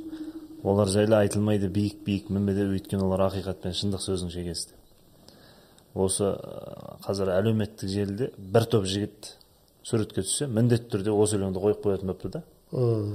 Негізі ол өлеңнің тарихы тым тереңде. Иә иә. Ә, сол әннің авторы ә, жәкен омаров ағамыздың басына іс түскен кезде сол елдің азаматы ғой бұл деп кәдімгі ә, атқамінер азаматтар сол кісінің тағдыры үшін кәдімгі бастарын бәйгеге тіккен бір оқиға болған да. Ол сондай бір атпалдай азаматтарға арналған ән еді бірақ қазір бір топ жігіт ә, ішімдікті қойып қойып суретке түсіп видеоға түсіп фонына сол өлеңді қойып қоятын болыпты да. Ол бізге арналған дегендей қылып негізі ол өлең сондай ә, текті азаматтарға арналған еді. Ә, бірақ жаңа мәні мен мағынасын түсінбегендер әжептәуір ән еді пұшық айтып қор қылды дегендей соның мағынасын түсінбегеннен кейін өздеріне лайықтап алып жатыр. Мынау ресейде өздеріңіз білесіздер ә, дағыстандық қой енді. Хабиб нұрмағаметов деп жатырмыз ғой. Әлгі ережесіз жекпе жектің жеңімпазы деп. Иә. Сол кісінің әкесінің бір сұхбаты бар. Ә, сол баласымен бірге спорттық карьерасын бірге бастаған ә, расул мирзоев деген азамат бар. Ол өзі қазақстандықтарға өте танымал. Ә, басына бір оқиға түсіп кәдімгі үйіне бір топ жігіт келіп ә, таяқтап кетеді. Сонда жаңағы хабибтің әкесінен сұхбат алып жатыр ресейдің журналистері енді сіздің балаңызбен спорттық карьерасы бірге басталды. Сіздің балаңыздың жұлдызы жарқырады да оның тағдыры басқаша болды. Өзі анау сотталып шықты одан кейін үйіне келіп таяқтап кетіп жатыр. Ә, неге олай болды деген кезде әкесінің бірінші сұрағы оқиға сағат қаншада болды дейді да? Сағат түнгі он екі бірлерде болды дейді. Егер ол шынымен спортсмен болса шынымен спортшы болса елдің намысы үшін төбелесіп жүрген елдің намысы үшін күресіп жүрген жігіт болса ол спорттық дисциплинаны сақтап сағат онда ұйықтап жату керек еді дейді да. Ол неге сағат үште ол жақта жүр дейді. Сондықтан да жаңағы қазақтың өзі оқиға қашан болды дегенде бір апақ сапақта болды деп жатады ғой. Иә. Өзі күн ұясына батқаннан кейін біраз адам күнмен бірге күнәға бірге батып жатады. Ә, жаңағы сіз айтып отырған нәрселердің барлығы сол уақыттарда белең алады сондықтан да әлгі бір ә, сұхбатымызда айтып едік. Қызы немесе баласы түнде ашық қалған ата ана салқындап қалмасын деп міндетті түрде оның етегін көрпемен қымтап қояды. Бірақ сол қызы ертесі күні қысқа юбкамен я болмаса басқаша бір киіммен күн ұясына далаға шығып бара жатқан кезде жаңағы түнде ғана көрпесін жауып қамқорлық танытып жатқан әке шешесі оған мән бермейді. да. Түндегі қамқорлығың сен екі кештің арасында қайда кетіп қалды ол күн ұясына батқан ол қайда кетіп бара жатыр? Ол жігіт болсын қыз болсын. Ә, сондықтан да жаңағы отан отбасынан басталады дегендей ә, міндетті түрде осы ә, сұрақ ата аналарды алаңдату керек сияқты. Әйтпесе тапа тал түсте отырып ә, екінің бірі ішімдік іше бермейді. Таңертең тоғызда отырып екінің бірі бір бірінің жағасынан алып ішімдік ішіп төбелесіп жатпайды сондықтан да күн ұясына батқан кезде ата аналары да ол қайда кетіп бара жатыр? Кімге кетіп бара жатыр? Ол сағатта оның қандай шаруасы бар? деген сияқты нәрселерге міндетті түрде бір мән беріп етене араласу керек. Бәрінің басында жаңағы мұхтар шахановтың айтқан сөзі бар ғой батыстың цивилизациясын аламыз деп канализациясына түсіп кеттік қой дегендей. Өзін білімдікке салу оның өзінің жеке өмірі бар. Иә. Оған сен араласпа деген сияқты нәрселер бар. Жоқ ә, міндетті түрде ә, оның кіммен араласатынына қайда бара жатқанына сағат қаншада оралатынына міндетті түрде ата анасы ә, кәдімгідей ден қойып араласу керек сияқты. Әлгі бала кезде бәрі жақсы жаман адам қайдан шығады деп баяғыда бір инстаграмда бір пост өзімнің пікірімді жаздым. Сол бүкіл баспасөз ақпарат құралдарының беттеріне тарап кетті. Мысалы бізде ұм, ә, қайда кетіп бара жатсың деп етегіне оралып жылаған баласына ә, қазір қазір келемін деп баласының бір сәттік жылағанын тоқтату үшін үш төрт күндік сапарға кетіп қалатын әке шешелер бар екен да.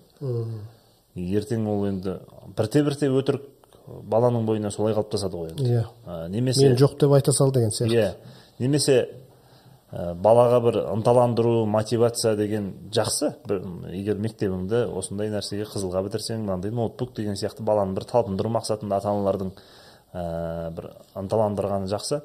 Бірақ мына нәрсені істесең мына нәрсені беремін деген бір келісім шарттар бар ғой.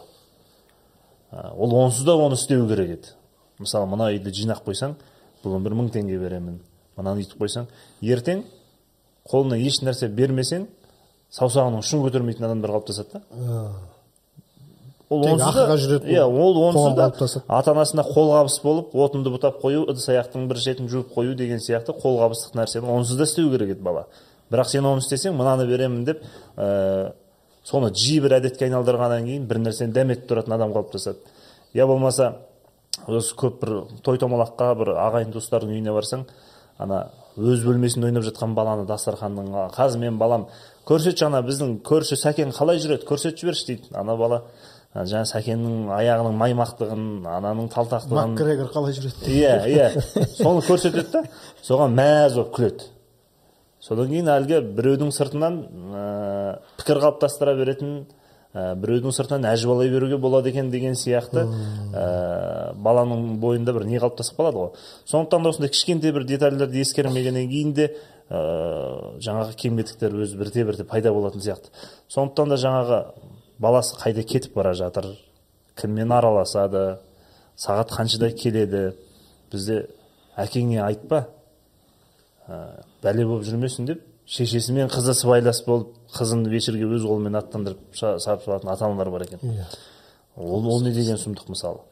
Я болмаса бізде астана қаласында мына жамбыл жабаев атындағы астананың целиноград болып тұрған кезінде жалғыз қазақ мекте- мектебі болып тұрған нөмірі төртінші мектеп бар.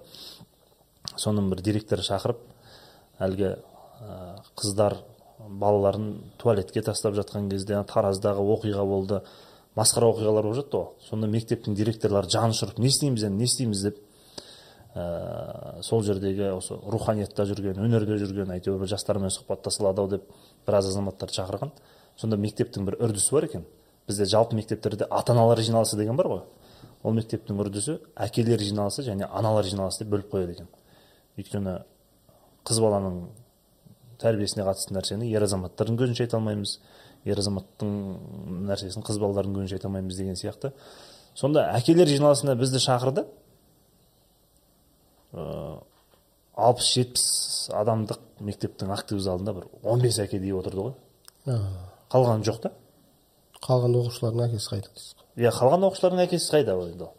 енді ол шешесі айналысатын нәрсе ғой енді оған ер азамат деген отбасын асырап жүрміз ғой енді. Біз айтамыз ей ол құс та баласына жаңағы құрт құмырсқаны әкеліп береді.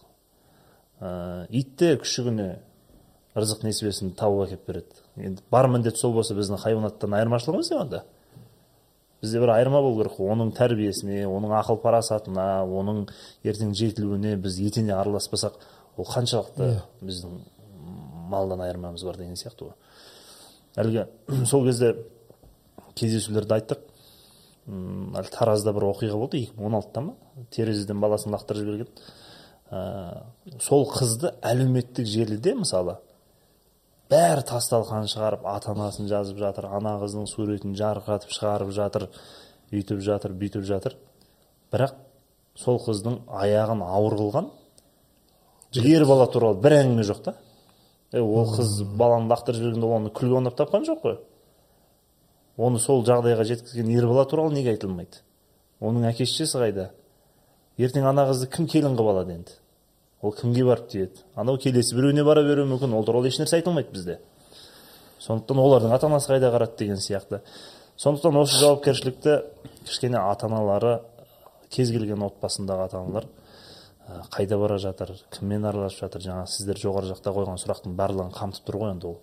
Ер азаматтың бейнесі қандай оның досы кім қандай ортада жүр деген сияқты. Сондықтан да ата аналар осы мәселеде кәдімгі төтенше жағдайда бір елеңдеп қарау керек сияқты.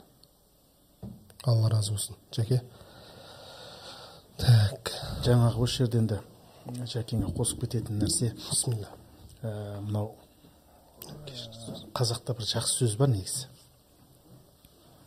Ә, біз негізі ә, қателігіміз қайда қателігіміз біз қазір ә, балаға үйреткіміз келеді да. Ана болсын әке болсын.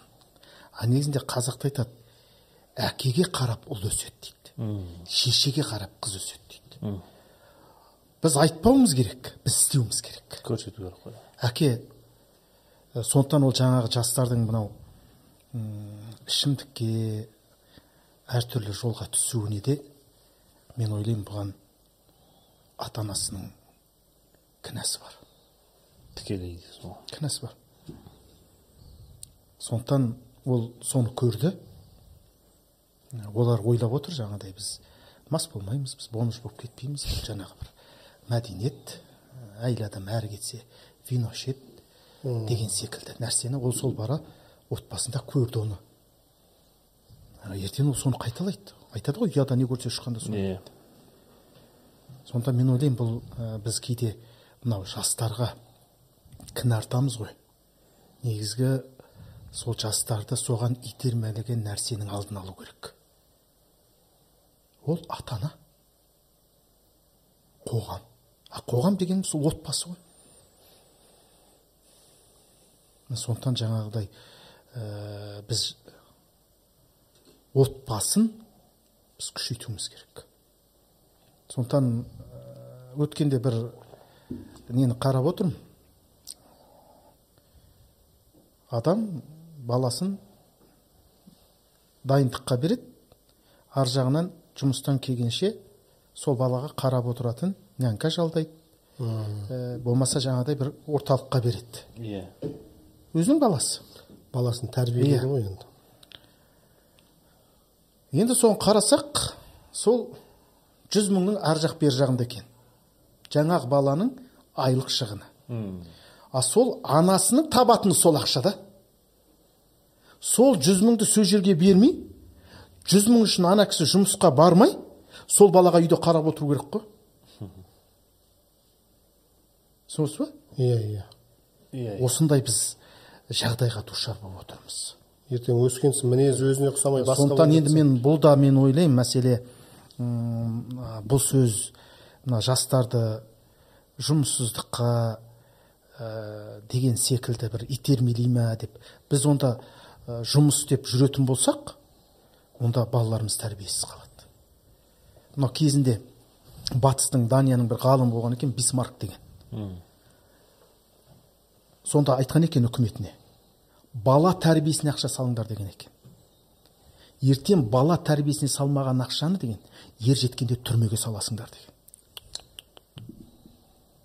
Сондықтан біз қазір айтып жатыр ғой заман басқа әйел адам оқыды дипломы бар жұмыс істесін. Біз қарсы емеспіз. Бұған ислам да қарсы емес. Бұған біз мәдениетіміз де қарсы емес. Егер жарайды ол жұмыс істесін бірақ бала тәрбиесіз қалып атса ол жұмыстың пайдасы не деген сұрақ болады бұл әрбір ата ана ойлану керек мен жұмыс істеп жүз мың теңге тапқанша мен сол балаға төлеген ақшаны төлемей үйде отырып сол баламды өзім оқытайын өзім бағайын қазір ата аналар баласына сабақ оқытқысы келмейді бәрін жалдап қойған міне мәселенің мәнісі қайда жатыр. Көрдіңіз бе? Иә. Ол той тойлап ә, таңертең кешке дейін бала шағаның қамы деп жұмыста жүрсе үйде тұрған бала не істейді? Үйде тұрады үйде тұрмағаны ә, жаңағы балабақшада балабақша демесі арнайы курста. Ал ол жерде ол кіммен араласып жатыр иә. Темекі тартатын адаммен араласып жатыр ма? Жаңағыдай оны ешкім қарап жатқан жоқ та. Ол ойлап жатыр балам ағылшынша оқып жатыр ә, балам французша үйреніп жатыр балам гимнастикаға барып жатыр балам боксқа барып жатыр баласы боксқа барып жүр бірақ боксқа барып жүрген екінші бір адамнан жаман нәрсені үйреніп жатыр сонымен қатар жамандықты да үйренеді. Кешке үйіне келді де қалайсың бәрі жақсы жақсы. Сондықтан біз осы жерде осы нәрсеге де қатты ә, көңіл бөлуіміз керек секілді. Бірінші қоғам түзелу үшін әр шаңырақ шаңырақта Иә, иә. егесі ата ана түзелсе қоғам түзеледі арақ ішу да азаяды темекі тарту да азаяды. Машалла. Алла разы болсын. Сондықтан ол әйел адам қыз бала ғой. Негізі исламда ислам дінінде әйел затын қыз баланы қорғаған дін жоқ. Заң жоқ. Қазір адамдар ойлап жатыр мына светский заң бұл әйел құқын жоқ. Ол әйел құқын көр- қорғаған болып көрінгенмен әйел затын аяқ істету. Қорлау. Сырттай бейне бір қорғағансып көрінеді. Әйел дейді анау дейді мынау дейді жаңағы күйеуінен ажыраса алимент ал бәрі әйел жоқ. Ол сол әйел құқын таптау. Көріп отырсыз ба? Сондықтан ислам дініндегідей жаңағы ол мысалы мен бір мысал айтып кетейін енді бұл кісі сол ә, темаға кірмей қоймайды демесін енді тыңдаған адамдар. Мысалы айтады жаңа жоғарыда айттым ғой ер адамдар әйел адамдарға үстемдік етуші дейді. Бұл бір мағынасы. Үстемдік дұрыс. Отбасының егесі кім? Ер адам. Көрдіңіз ба екінші мағынасы бар. Ә, әйел адамның жауапкершілігі ер адамда деген. Киім кешегі тамағы. Демек бұл аят әйелдің пайдасына шешіліп тұр да. Түсінген адамға. Көрдіңіз ба одан кейін айтады сендер қаласаңдар ә, екінші айлаңдар үшінші айлаңдар төртінші айлаңдар дейді. Бұл аятты да адамдар ойлайды да жаңағыдай. Мынау еркекке повод беріп жатыр жоқ бұл жерде алла еркектің жағдайын ойлап жатқан жоқ. Бұл жерде де алла әйел адамның жағдайын ойлап жатыр. Мысалы айтайық қоғамда төрт еркек бар ана жерде бес әйел бар. Төртеуі бір бірден алды бір әйел артық қалды. Сосын алла тағала аят түсірді. Қаласаңдар әділдік жасай алсаңдар. Екеу қыл жәке үшеу қыл төртеу қыл демек алла кімнің жағдайын ойлап отыр анау тұрмыс құрмай қалған қыздың жағдайын ойлап отыр енді төртеуің төртеуін алдыңдар ана бесінші артық қалды енді оны алыңдар. Көрдіңіз ба негізі ол жерде аят ер адамның пайдасына емес әйел адамның пайдасына шешіліп жатыр. Түсінген адам үшін. Тыңдаңдар ей ұстаз енді енді өзіңізге келе бастадыңыз жайлы бұл теманы өзі қозға сонда мен айтпағым жаңағы бұл жерде ислам бұл әйел затын өте қорғаған. Сондықтан айтайын деген нәрсе мынау. Ер әйел адамның нәпақасы күнкөрісі күйеуінің мойнында. Егер ол тұрмыс құрмаған болса әке шешесінің мойнында. Мына жерде мына қыз бала тұр. Тұрмыс құрмаған. Тұрмыс құрмаған қыз бала бұның кімнің қамқорлығында? Әке шешесі бұл қыз тұрмысқа шықты. Кімнің қамқорлығында? Күйеуінің қамқорлығы. Киімі ішіп жеу тұру баспанасы. Күйеу жоқ әке шеше жоқ. Мына қыздың аға інілерінің мойнында. Құдайдың алдында жауап береді ертең қарындасымыз жесір қалған.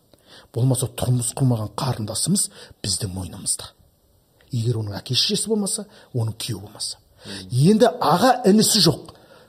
Мынада бала болса ұл баланың мойнында. Сондықтан шариғат ешқашан әйел затын күнкөріс үшін далаға шығармайды. Сондықтан жаңағы сіз жоғарыда айттыңыз ғой. Мына ер адам қандай болу керек? Қыз баланы әкесі бағу керек әкесі бақпаса күйеуі бағу керек күйеуі бақпаса аға інісі бағу керек аға інісі болмаса баласы бағу керек. Сондықтан бұл қазақ жігіттерінің құлағына алтын сырға.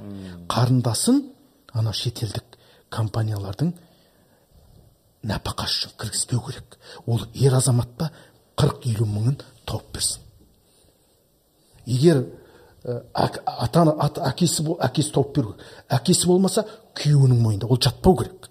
Ертелі кеш напақа тауып асырау керек. Е мен де жұмыс істеймін сен де жұмыс істе деген болмайды ол. Енді оның күйеуі болмаса баласы жас болса ағасы інісінің мойнында. Ол намыстану керек. Ер жігіт. Иә. Ол өзінің семьясын асырау керек және әлгі қарындасын асырау керек.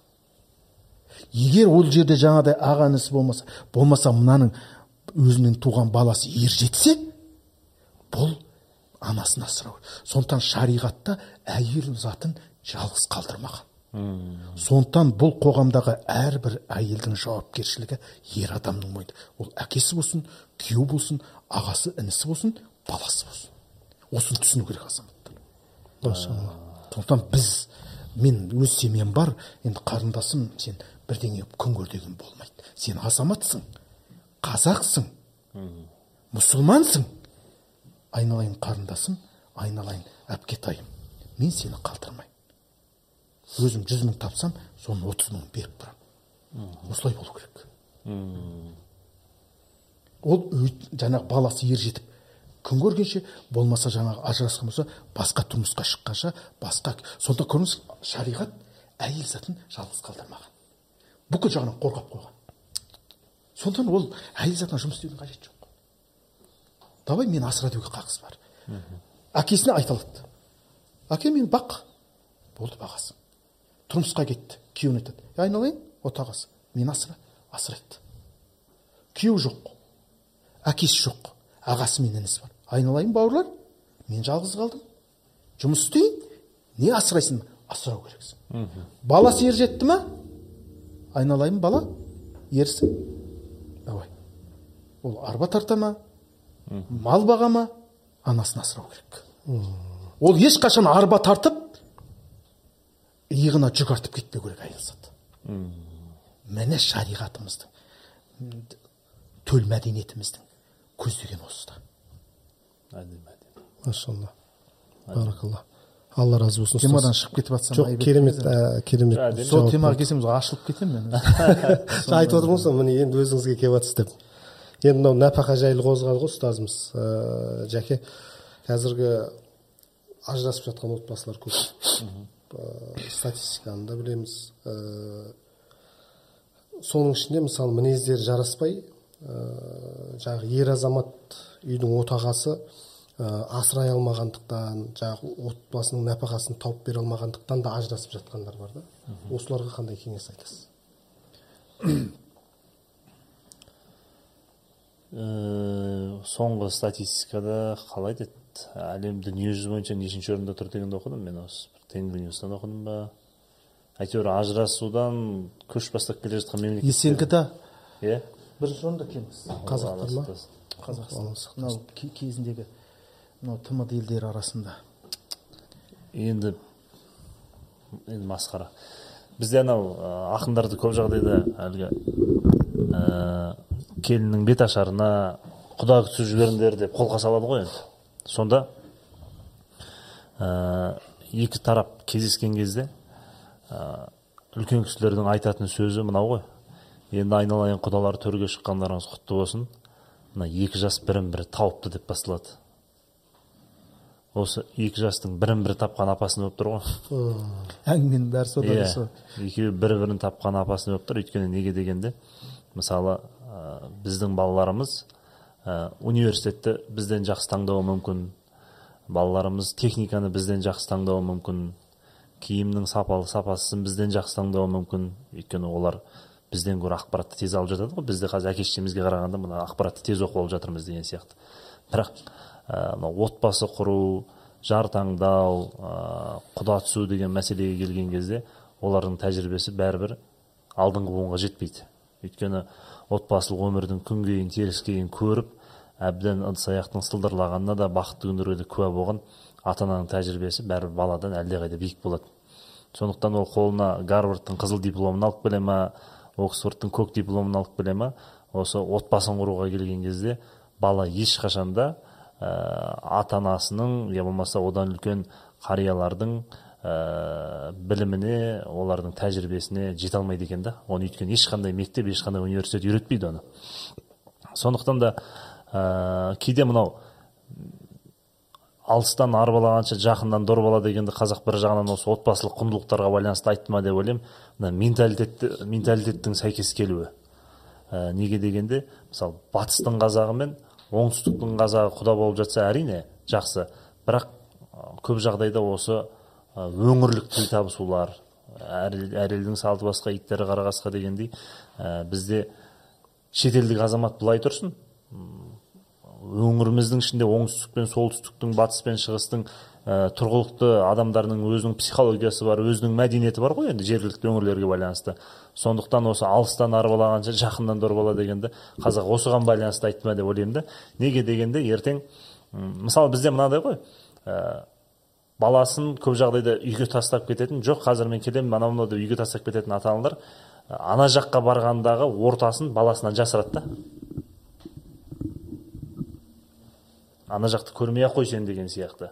Немесе бізде қалай ә, мынау қонақ келген кезде ана бөлмеден шықпай отырыңдар деген түсінік негізі бұрын болмаған бізде. Неге дегенде қазір мысалы тренинг бар курстар бар басқасы бар. Қазақ даласында бұл тренинг курс деген қалай жүзеге асқан? Көпті көрген ә, аузы дуалы сөзі уәлі дегендей айтары бар азаматқа дастархан жайып үйіне шақырып әлгі бала былай тыңдасаңыздар ә, көп кісілер айтып жатады баяғыда еміс еміс естімде есімде үлкен кісілер әңгіме айтып жататын осылай дейді. Сонда неге ол әңгіме еміс еміс ол баланың есінде дегенде? Өйткені ол бала ана кісі келген кезде қызметте жүретін болған да иә. қолына су құйып кетеді. Ой айналайын бақытты болды бір естіп кетеді табақ тартады үйтеді бүйтеді сонда әңгімелерді еміс еміс естіп жүреді. Курс тренинг деген солай жүре- жүретін бұрын қазақ даласында. Отырғызып қойып ал енді отырыңдар мен сендерге айтайын деген нәрсе бұрын болмаған ғой енді. Кейін мына кеңестік дәуір келді да дастарханға жындысу келді басқасы келді басқасы келді. Бе деп анекдоттар айтыла бастады. Біреудің күйеуі мен біреудің әйелі вальс билейтін мәдениет қалыптасты. Осы қылмысын жасыру үшін қонақ келгенде сендер ана бөлмеде отырыңдар шықпаңдар. Біз мына жерде лаңдатып алайық сосын қонақ кеткенде келесіңдер деген нәрсе пайда болды да ол балалар бөлмеден шықпай отырды. Ә, дастарханда неше түрлі дүниенің барлығы жүзеге асқаннан кейін ал енді шыға берсіңдер болады деді. Енді ол бала ондай әңгіме естімесе табақ тарту құданы күту бет ашар рәсімі қолға су құю. иә қолға су құюды көрмегеннен кейін қарапайым осы күнделікті тұрмыстағы нәрселерді бір ұйымдастыруды білмегеннен кейін ертең ол үлкен бір үйдің отағасы болған кезде өзі қалай қонақ күтеді? Әйелдің көңілін қалай табады? Өзі қалай құда күтеді? Көршімен қарым қатынасы қалай болады деген нәрсенің барлығын білмейді ғой енді ол. Сондықтан от, отбасылық өмір деген ол үнемі әлгі түріктің сериалындағы сияқты жымиып бір біріне стаканмен шай ішіп отыру емес қой. Ә, дау дамай болады. Ол кезде ер азамат қалай шешеді оны? Ә, қайын жұртпен қарым қатынас қалай? Өз жұртыңмен қарым қатынас қалай деген мәселелердің барлығына келген кезде одан ешқандай бейхабар ешқандай ақпарат алмаған көрмеген бала міндетті түрде алғашқы ұрыс керістен кейін болды миды ашып жібердіңдер ғой бұрынғы бойдақ күнім жақсы екен ғой деген сияқты ат құйрығын кесуге бірден барады да. Сондықтан да ә, осы жаңағы неке қиюға келген кезде жаңа ризабек ағамыз айтқандай міндетті түрде ә, үлкен кісілердің бәрібір ақыл кеңесі керек. Ол деген балаңды біреуге апарып мәжбүрлеп қос деген сөз емес. Иә. Сен ұсын. Немесе әлгі қызың бой жетіп келе жатса ұлы жақсымен ақырын ақырын көршілес боласың жекжат боласың деген сияқты ә, немесе ұлың ер жетіп келе жатса өзің де араласып жүрген жора жолдастарыңның ортасынан осы азаматпен тіл табыса аламын менің келіншегім осымен тіл табыса алады араларында әңгіме жарасады деген сияқты ә, ерте жастан ерте бастан балаға жасалған қамқорлық сол шығар деп ойлаймын. Осы бастан әуелі құданы құдай қосады деп ә, ертең құда болатын адамын өздері ақырын ақырын кеңесіп талқылап отырса біз жаңағындай ажырасудан көш бастап тұрмайтын ба едік алдыңғы орындарда. Алла разы болсын. Енді бұл мәселе ә, келешекте бір оң шешімін табады деген ой бар енді. Жақсы сөз жарымыз дейді ғой. Ә, жаңағы жақсы ойда болғанымыз дұрыс. Ә, анау қазір мынау жамағат болсын ә, қоғамда араласу. Ертең осылар бір біріне құда болған кезде осы жастардың жаңағы кейбір түсініспеушілігі шешіледі деп ойлаймын. Мысалы ертең мен сізбен сіз менімен болмаса сіз жаңағы емекеңмен құда болып жатсаңыз ә, ойлаймын бұл өз оң Иә, иә. шешім береді деп. Негізі бұның барлығы сол анау айтады ғой пайғам жаңа жоғарыда айттық қой. Ә, ер жігіттің дейміз ба азаматтың дейміз ба тіпті адамның пенденің бір ә, қасиеті ол ұялу ғой. Ұялмасаң білгеніңді істе дейді. Сол, иә. сол мына бізден ұятты алды. Ұятты алды. Бұл не құдадан ұят болады? Ей ағайыннан ұят болады. Ұят кетті сол кезде міне ол жастар да ажыраспайтын еді. Ә, бәрін жаңағы жеңіл жолмен шешілетін еді. Жаңа қайта шапқан жау жаман қайтып келген қыз жаман деген секілді бір ұят болады қара бет боламыз деген. А жоқ қазір авторитет. Абырой. Ананы қайтарып алу. Құдай сақтасын. Сондықтан ойлаймын мен сол ә, бұрынғы ұятымызға келсек анау сөз анау әлгі ішке ішке сыйған балам сыртқа сияды деген сөз ә, әбден құртып бітетін болды ғой. Иә, түбімізге жететін сол түбімізге жететін болды. Анау бір ә, әңгіме оқыдым. Ә, жеңеше құлағыңызға сыбырлайыншы деген бір жақсы әңгіме оқыдым да. Ә, жаңағы кітаптың авторы жазып отыр ғой. Бала күнімде ә, сол ауылда ә, мынау латын әліпбиін танитын мен едім дейді да. Содан мектептен қайтып үшінші сынып оқимын ба мектептен қайтып келе жатыр едім. Көрші тұратын ақсақал үйіне шақырды дейді. Ай балам бері келші деп сол иә ақсақал айта беріңіз деп мынау өткенде ұзатқан қызым бар еді ғой содан хат келіпті. Біз бәріміз үйде отырмыз сен соны оқып берсейші содан дауыстап оқи бастадым дейді амансыздар ма мен міне келдім келген жерім жақсы енем осындай анау осындай бәрі аман есен уайымдамаңыздар ыыы, қонақтарды күтіп жатырмын сіздердің жаңағы айтқан ақыл кеңестеріңізбен осы елде бақытты өмір сүріп жатырмыз күйеу балаларыңыз қамқор анау мынау деп жазып жазып жазып келіп сөйлемнің соңында жеңеше құлағыңызға сыбырлайыншы деп хат аяқталды дейді да. Енді бала үшінші класс ештеңе түсінбейді. Үйде отырғандардың барлығы дұға қылып бүйтіп бетін сипап күбірлей бастады дейді. Содан сол үйдегі апамыз қуанып маған қолыма бір уыс кәмпит берді дейді. Сосын үйге келдім әке шешем сұрады менен дейді. Әй кәмпитті қайдан алдың? Ой осылай осылай. Көрші үйдегі ана кім ұзатылып еді ғой сол хат жазыпты. Соның хатын оқып бергенмін апа кәмпит берді деп. А жақсы ма екен? Жақсы жақсы. Жеңеше құлағыңызға сыбырлайыншы деп жазылыпты анау мынау деп айтып едім. Үйдегі анам да күбірлеп бір дұғаларын айта бастады дейді. Сөйтіп біз ер жеттік оқуға түстік. Ә, студентпін дейді. Автобустың ішінде иін тіресіп сығылысып келе жатыр едік. Бір кісінің ұялы телефоны шыр ете қалды дейді. Сол бір әйел адам екен. А босандың ба? Болды енді өзіңді жылы ұста ана кімге айт? Енеңе сен нете бермесін қара жұмысқа сал өйтіп өзіңді күтін ана болмайды деп телефонды қойды дейді да. Сонда автобуста отыз шақты адам тұр ә, мына кісінің қызы босанғанын бүкіл отыз адам естіді дейді да. Сөйтсем мен бала күнімде жаңағы жеңеше құлағыңызға сыбырлайыншы дегені ана қыздың ұзатылған қыздың аяғының ауыр болған екен ғой. Соны әке шешесіне хат жазып отыр бірақ үйде жүрген жеңгесіне құлағыңызға сыбырлайыншы дегені мен көтердім. Дегенде барлық үйдегілер жеңіл босансын деп сонда дұға қылған екен дейді да. Ал бізде өзін ашық айтпаған оның өзін ашық айтып тұрған жоқ та.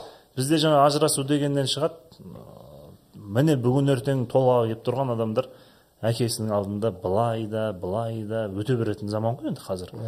Қайтып бару деген өзі кеше ғана ана бауыржан атамыздың келіні зейнеп ахметова апамыздың сөзін оқыдым. Келіннің қыздың қайтып келгені үйге мәйіт әкелгенмен тең дейді да. Бұрын осылай еді дейді. Қайтып келген қыз жаман дегендей. Сондықтан бұл жерде жаңағы ішке сыйған балам сыртқа да сыяды деген мақалды кішкене орнымен қолданған дұрыс сияқты. Сол сол ұят болады ертең жұрт не дейді? Бізде жұрт не дейді дегенді мүлдем басқаша қолданатын заман болып кетті ғой өзі. Ойбай ондай бәрі теріс болып жатқан заман ғой қазір. Ананы үйтпесек жұрт не дейді? Құдаға өйтіп анандай істемесек жұрт не дейді? Деген сияқты. Сондықтан басқаша дүние теріс айналып тұр ғой енді. Жаңағы анау құлағыңа сыбырлайшыдан шығады ғой. Айтып отырмыз ғой біздің негізі ә, мәдениетіміз өте бай ғой. Иә. Төл мәдениетіміз. Мынау кезінде дейді анау ә, үйге келіп енді онда ол кезде атпен жүрген заман ғой енді. Сөйтіп жаңағы ақсақал болсын жаңағы егде тартқан адам біреудің үйіне түсіп досының үйіне түсе ме жақынның үйіне түсе ме ә, құрбысының үйіне ауылдасының үйіне түсе ме жаңағы егер сол үйде бой жетіп тұрған қыз болып әлгі қыздың қылығы ұнап көңіліне шығып жатса қамшысын тастап кетеді екен. Соны енді үйдің егесі жәкен қамшыны көреді. Оппа жанболат имам қамшыны тастап кеткен. егер ол кісінің уже намекті түсінеді екен ғой иә иә. онда жаңағы бәйбіше қызды дайында дейді екен. Егер ана кісі баласы көңілінен шығып нетсе. Ал енді ол қызды атастырып қойған бір жер болса әлгінің баласынан хабардар ол көңілінен шықпаса бір жолыққанда айтады екен? Ә, имеке қамшыңыз қап қойыпты деп ақырын тастап кетеді екен. О намекті жәкең де түсінеді екен да. Қарашы деймін да сонда. Не деген мәдениет қандай қарым қатынас дейсің? Қандай қарым қатынас? Бір не деген Иә, иә. жаңағыдай. Соның бәрін тастап бір жаңағы тұманды күнде адасқандай меңзеу күйде жүрміз ғой қазір. Иә. Қайран бабалар десең не дейміз осы алла адастырмасын. Иә. Ұстаз енді жаңа тақырыбымызға оралатын болсақ жаңағы нәпақа мәселесі ғой. Қазір ажырасқан ерлі зайыптылардың жаңағы ә, отағасы ат құйрығын кесіп мүлдем бала шағасына қарамай кетіп қалатын азаматтар көп. Енді осы қасиетті шариғатымызда осы кісілерге қатысты не дейді? Бұлар қандай деңгейде қай уақытқа дейін бала шағаға қарасу керек? Қазір бізде алимент деген нәрсе бар білесіз мысалы. Ә, осы енді алименттен жалтарып мысалы неше түрлі әрекетке барады. Айлығын аз қылып көрсетеді деген сияқты. Өз негізі мынау жалпы заңнаманы алып қарайтын болсақ бұның негізі құрылымы дінге қайтады ғой. Заманауи заңның түбі түбі. Енді ол әлеумет деген нәрсе ол мен ойлаймын сол ә, ер адамға жауапкершілікті сезіну. Екіншіден баланың ер жеткенше ол бала сенікі болғандықтан оны асырау саған міндеттелген нәрсе. Бұл да енді бір бір діннің бір ә, шешімі секілді ә, нәрсе ғой. Ал енді бұл дінімізге келетін болсақ бала ер жеткенге дейін оның ішіп жемі киімі күйеудің мойнында ер жігіттің мойнында. Ол тастап кете ме қайтып кетеді ол ер адамның мойнында. Жаңағы сіз айттыңыз жаңағы бала шағасын тастады да кетті. Ол сол бала шағаның ішіп жеңі киім кешегі тұратын жайы нәпақасы әлгі еркектің мойнында ол қайда кетсе де өтейді өтемесе құдайдың алдында жауап береді.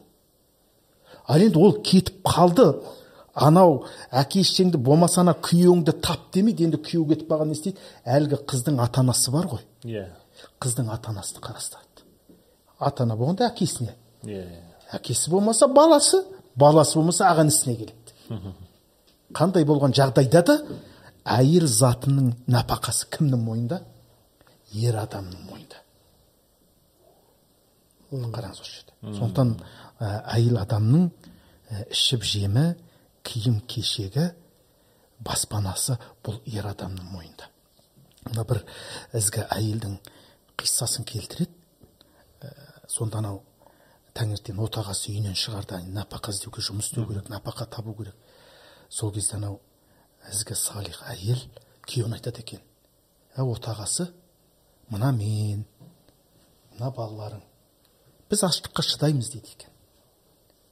Біз аштыққа шыдаймыз. Бірақ өз қолыңмен бізді тозаққа итерме дейді екен. Бір тиын да болсын халалдан әкел дейді екен. Міне ер адамның мақсаты халалдан ырзық табу жақсы әйелдің мақсаты оны ізгі жерге жарату үнеммен жарату. Сен қайтсе де мал тап демейді. Сонда біз жаңағы ер адам егер хараммен мал тапса ол өзін ғана емес құдай қосқан жары бауыр етіп балаларын от тозаққа лақтырған сондықтан бұл әрбір қазақтың азаматы қолынан келгенше адал ас табу керек. Неге қазір қоғамымызда ауру көп. Бұл сол жеген асымыздың толық халал болмауы. Бізде қазір мынау көп адам ойлайды ә, халал деген кезде шошқа болмаса болды деп иә иә. Иә. Егер сен нан халал нәрсе ұрласаң харам болады харам болады қара су ол халал нәрсе. Егер оны ұрласаң харам болады. Параның ақшасын алсаң харам болады.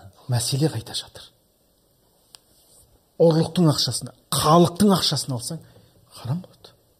Параға неше түрлі нәрсе алып сондықтан мына бұл жерде енді бұл жаңағы отбасын тастап кету ә, басқаны жақсы көріп қалу сен енді өзің күй. Бұның бәрі сол мынау ә, батысты көксеген ә, батыстың мәдениеті бізге жақсылық әкеледі деген түсініктің нәтижесі. Сен енді оны бала шағасымен тастап кетті. Нақ кінәлайсың оның айыбы не басқа бір қатынды? Жақсы көріп қалғаны ма енді сен сол мәдениет жақсы деп отырсың ғой. Ал исламға салғанда қазақтың салт дәстүріне ұстағанда желкелеп әкеп ананы жүктеп қоятын еді. Даже тіпті ол тастап кетуге қорқатын еді. Мынау бір мәселені айтып кетейін.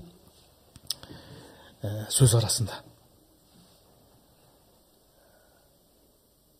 Бір отырыс дейміз ба енді бас қосу дейміз ба? Мынау орамал мәселесі сөз болған уақыт қой. Соны бір әйел зат айтады. Бұл арабтың салты бізге керек емес дейді да.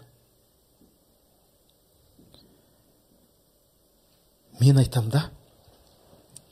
Негізгі орамал мәселесіне мына сіздер әйелдердің қарсы шығуларыңызға негіз жоқ деймін да. Қайта қыз баланың абыройын сақтап орамал таққаны әсіресе мына әйел сіздер үшін жақсы ғой деймін да. Неге? Көшеде қыздардың бәрі орамалын тағып абыройын сақтаса саған жақсы емес пе? Күйеуің зина жасай алмайды иә түсінген адам үшін да. Қызығушылықпен қарай алмайды сіз қол аяғыңызды көтеріп қолдап кетпейсіз ба деймін да. Ал енді жарайды ал қарсы шықтыңыз деймін анау не дейміз анау жезөкшелер. Кім барып жатқан оған? Сананың төмендігі де. Мен ойлаймын халықтың бір түсініп оянатын кезі келді. Ол мәдениеттің батыстық. Бізді жақсылыққа жетелемейтіндігіне бұны бір діндардың болмаса бір ұлтшыл азаматтың оны айтуы керек емес қазір. Иә иә. Оның неге апарып отыр? Сондықтан жаңағы семьясын үш төрт баласымен болсын бес алты тіпті бір баласымен болсын тастап кетіп жатқан ер ол сол батыстың мәдениетінің жемісін көріп отырған адам. Енді ол кетіп қалып жатса неғып ренжіп жатсың оның айыбы не басқа қатынды жақсы көріп қалғаны ма? Енді сен соны қалап отырсың ғой. Міне мәселе қайда жатыр. Сондықтан бізден осы тығырықтан осы қасіреттен шығатын бір жол бар. Ол біздің төл мәдениетіміз. Ол біздің қасиетті дініміз. Ол біздің тіліміз. Ол тілді білмегеннен кейін біз ол жаңағы бабалардың қанатты сөзін білмейміз. Иә иә. Ол қанатты сөзін білмегеннен кейін сол дінімізді де сол аят хадисті бабаларымыз қара сөзбен жеткізген.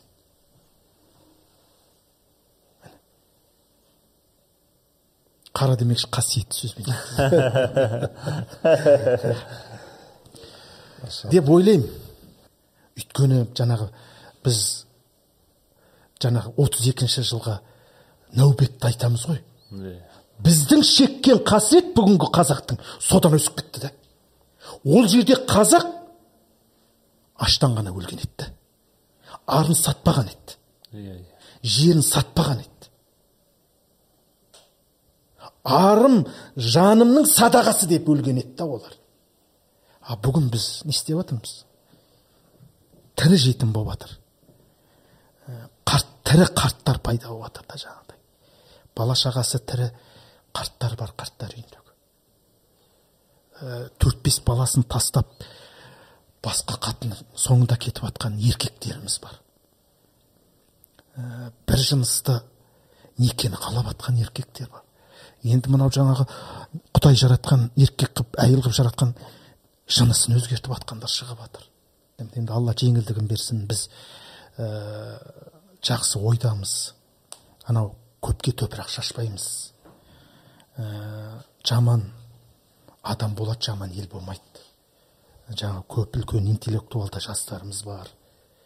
Ә, үлкен ағаларымыз бар аға буын. Ә, мынау абыз жақсы қартайып келе жатқан ақсақалдарымыз бар. Тәуба. Үміт бар бірақ иә үмітсіз шайтан дейді ғой енді. Алла тағала құран кәрімде айтады ғой ла тақнату мин рахматилля деп. Иә. Алланың рахметінен мейірімінен күдер үзбе деген осындай үлкен империядан бізді алып шыққан құдай бізді де осы қасіреттен алып шығатын шығар. Сол жаңа қырық жыл қырғын болса да ажалды өледі демекші жаңағыдай. Сондай қырғында да аман қалдық.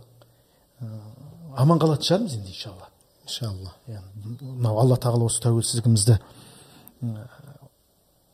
құр тәуелсіздігіміз рухани да тәуелсіз қылсын алла бізді. Аумин мынау рухани бодандықтан алла бізді алып шықсын. Әмин алла қуат берсін иншалла. Әмин алла разы болсын ұстаз. Керемет болды. Ә, қатынды ұруға қатысты ой ма сондай бар екен не дейді? Қазақта жақсы сөз бар ғой. Аузы күйген үрлеп ішеді әдемілеп алып шығасыз ба деп жатқан аузы күйген үрлеп ішеді деп жаңа жоғарыда мен айтып кеттім ғой пайғамбарымыз саллаллаху алейхи айтты бізге ол кісіден үлкен жолбасшы жол көрсетуші ешкім жоқ қайрукум қайрукум линниса сендердің жақсыларың әйелдеріңе жақсы болғандарың дейді сондықтан мықты ақылды дана еркек ол ешқашан қол көтермейді.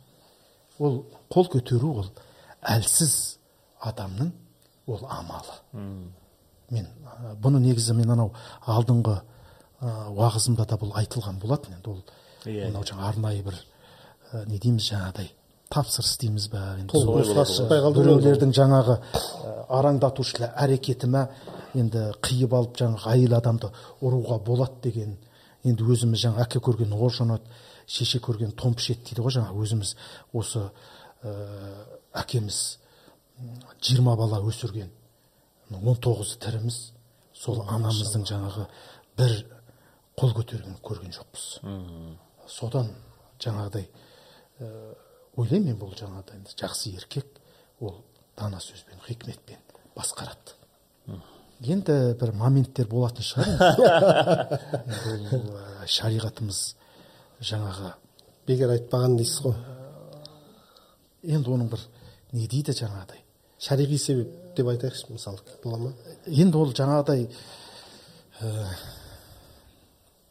рамка дейді ғой бір? Иә, иә. определен- белгілі бір шеңберден шығып ә, кеткен шығып кет мысалы ә, әке шешеңе дауыс көтерсе ә, жаңағыдай ә, болмаса жаңағыдай бір арсыз тірлікке барса ол сенің жаңағы қара сөзбен ә, жұмсақ сөзбен қатты сөзіңмен қайтпай жатса енді ол кезде енді ұр дегенде енді бір жаңағыдай жөнімен ғой ол. Иә иә. Жөнімен.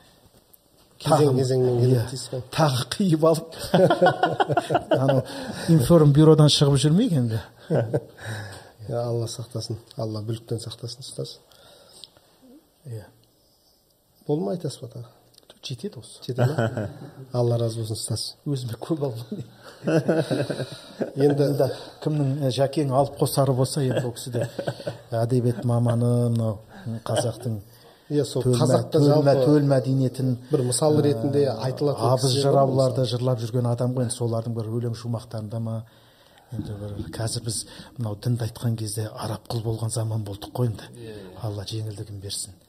Енді мынау жәкең өзі орынды шақырып отырсыздар ғой сол жерде бір қазақтың бір анау қара сөзімен. оралда бір айтыс болды.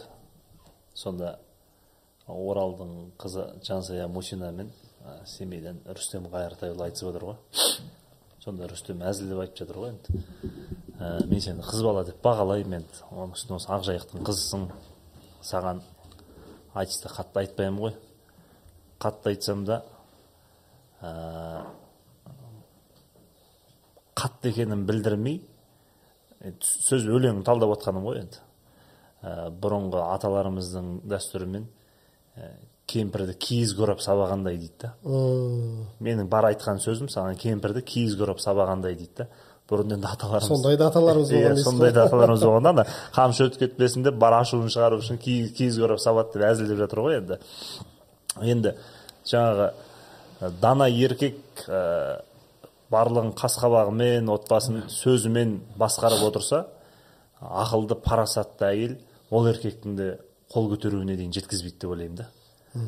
Егер өзі қызық осы имамдарымыз талдаған сайын таңғалудан танбаймыз. Ер азамат ата ананың разылығына мұқтаж ғой енді. Иә. Бірақ әйел адамда ондай жоқ аға иә? Әйел адамға отағасының разылығы иә? Егер әйел адамға да ата анасының разылығы дейтін болса барлық әйел төркіншіл болып кететін еді дейді да. Иә. Өзі бір біріне кәдімгі ә, бір алтын жіп сияқты бір біріне байлап қойған да. Әйелді ерге ерді ата анасына осы сабақтастық үзілмесе егер үйге түскен келін сіздің ата анаңызды құрметтеп ә, сіз сапардан келген кезде ата анаңыздың көңілі жайланып ой осындай келінді әкеліп берген баламнан айналайын деп маңдайыңыздан иіскеп жатса ол әйелді енді ханшайымдай төбеге көтеруге лайық қой енді. Иә. Сондықтан ә, ер адам ақыл парасатымен шешеді әйел адам да оның қол көтеруіне ә, дана әйел оған жеткізбейді деп ойлаймын. Машалла баракалла. Ұстаз енді уақытымыз да таяп қалыпты аз отырған жоқпыз біршама уақыт отырдық. Насихаттарыңызбен тәмамдасақ бір пайғамбарымыз саллаллаху алейхи уассалам жалпы жастарға ер жігіттерге айтқан насихат хадисі бар ма? Ә, енді айтады ғой. Пайғамбарымыздың я мағшара шабаб деген хадисі бар ғой. Мән истатаға минкум әлбата фәлиятазауажу уәләм ястадиқ фағалейкум биссаум ей мынау жігіттер қауымы кімнің мынау асырауға оны бағып қағуға ә, нәпақасын тауып беруге шамаларың жетіп тұрса үйленіңдер ал егер оған шамаларың жетпесе онда ораза ұстап сабырлық танытыңдар деген.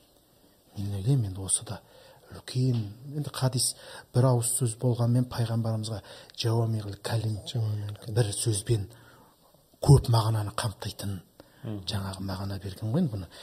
Ә, қазақтың сөзімен айтқанда ә, жаңа айтты ғой үйлену оңай үй болу қиын. Осы екі сөзбен тәмамдағым келеді. Алла разы болсын. Иә. Жәке өзіңіз тараптан бір насихат болса дулат исабеков деген қазақтың үлкен классик жазушысы бар. Сол кісі ә, сұхбаттасып отырған кезде айтып қалды да қазіргі қоғамда еркектер көбейіп азаматтар азайып бара жатыр деді да. Сонда еркек деген бір бөлек азамат деген бір бөлек қой енді. Сондықтан ә, қазақтың әр баласы туға әрі азамат болсын деген тілек айтқым келеді. Машалла баракалла. Алла разы болсын ұстаз жәке алла разы болсын. Алтын уақыттарыңызды қиып бөліп мынау жобамызға қолдау білдіріп келгендеріңізге біз сіздермен қоштаспаймыз. Алла бұйыртса алда тағы да көрісерміз иншалла. Жақсы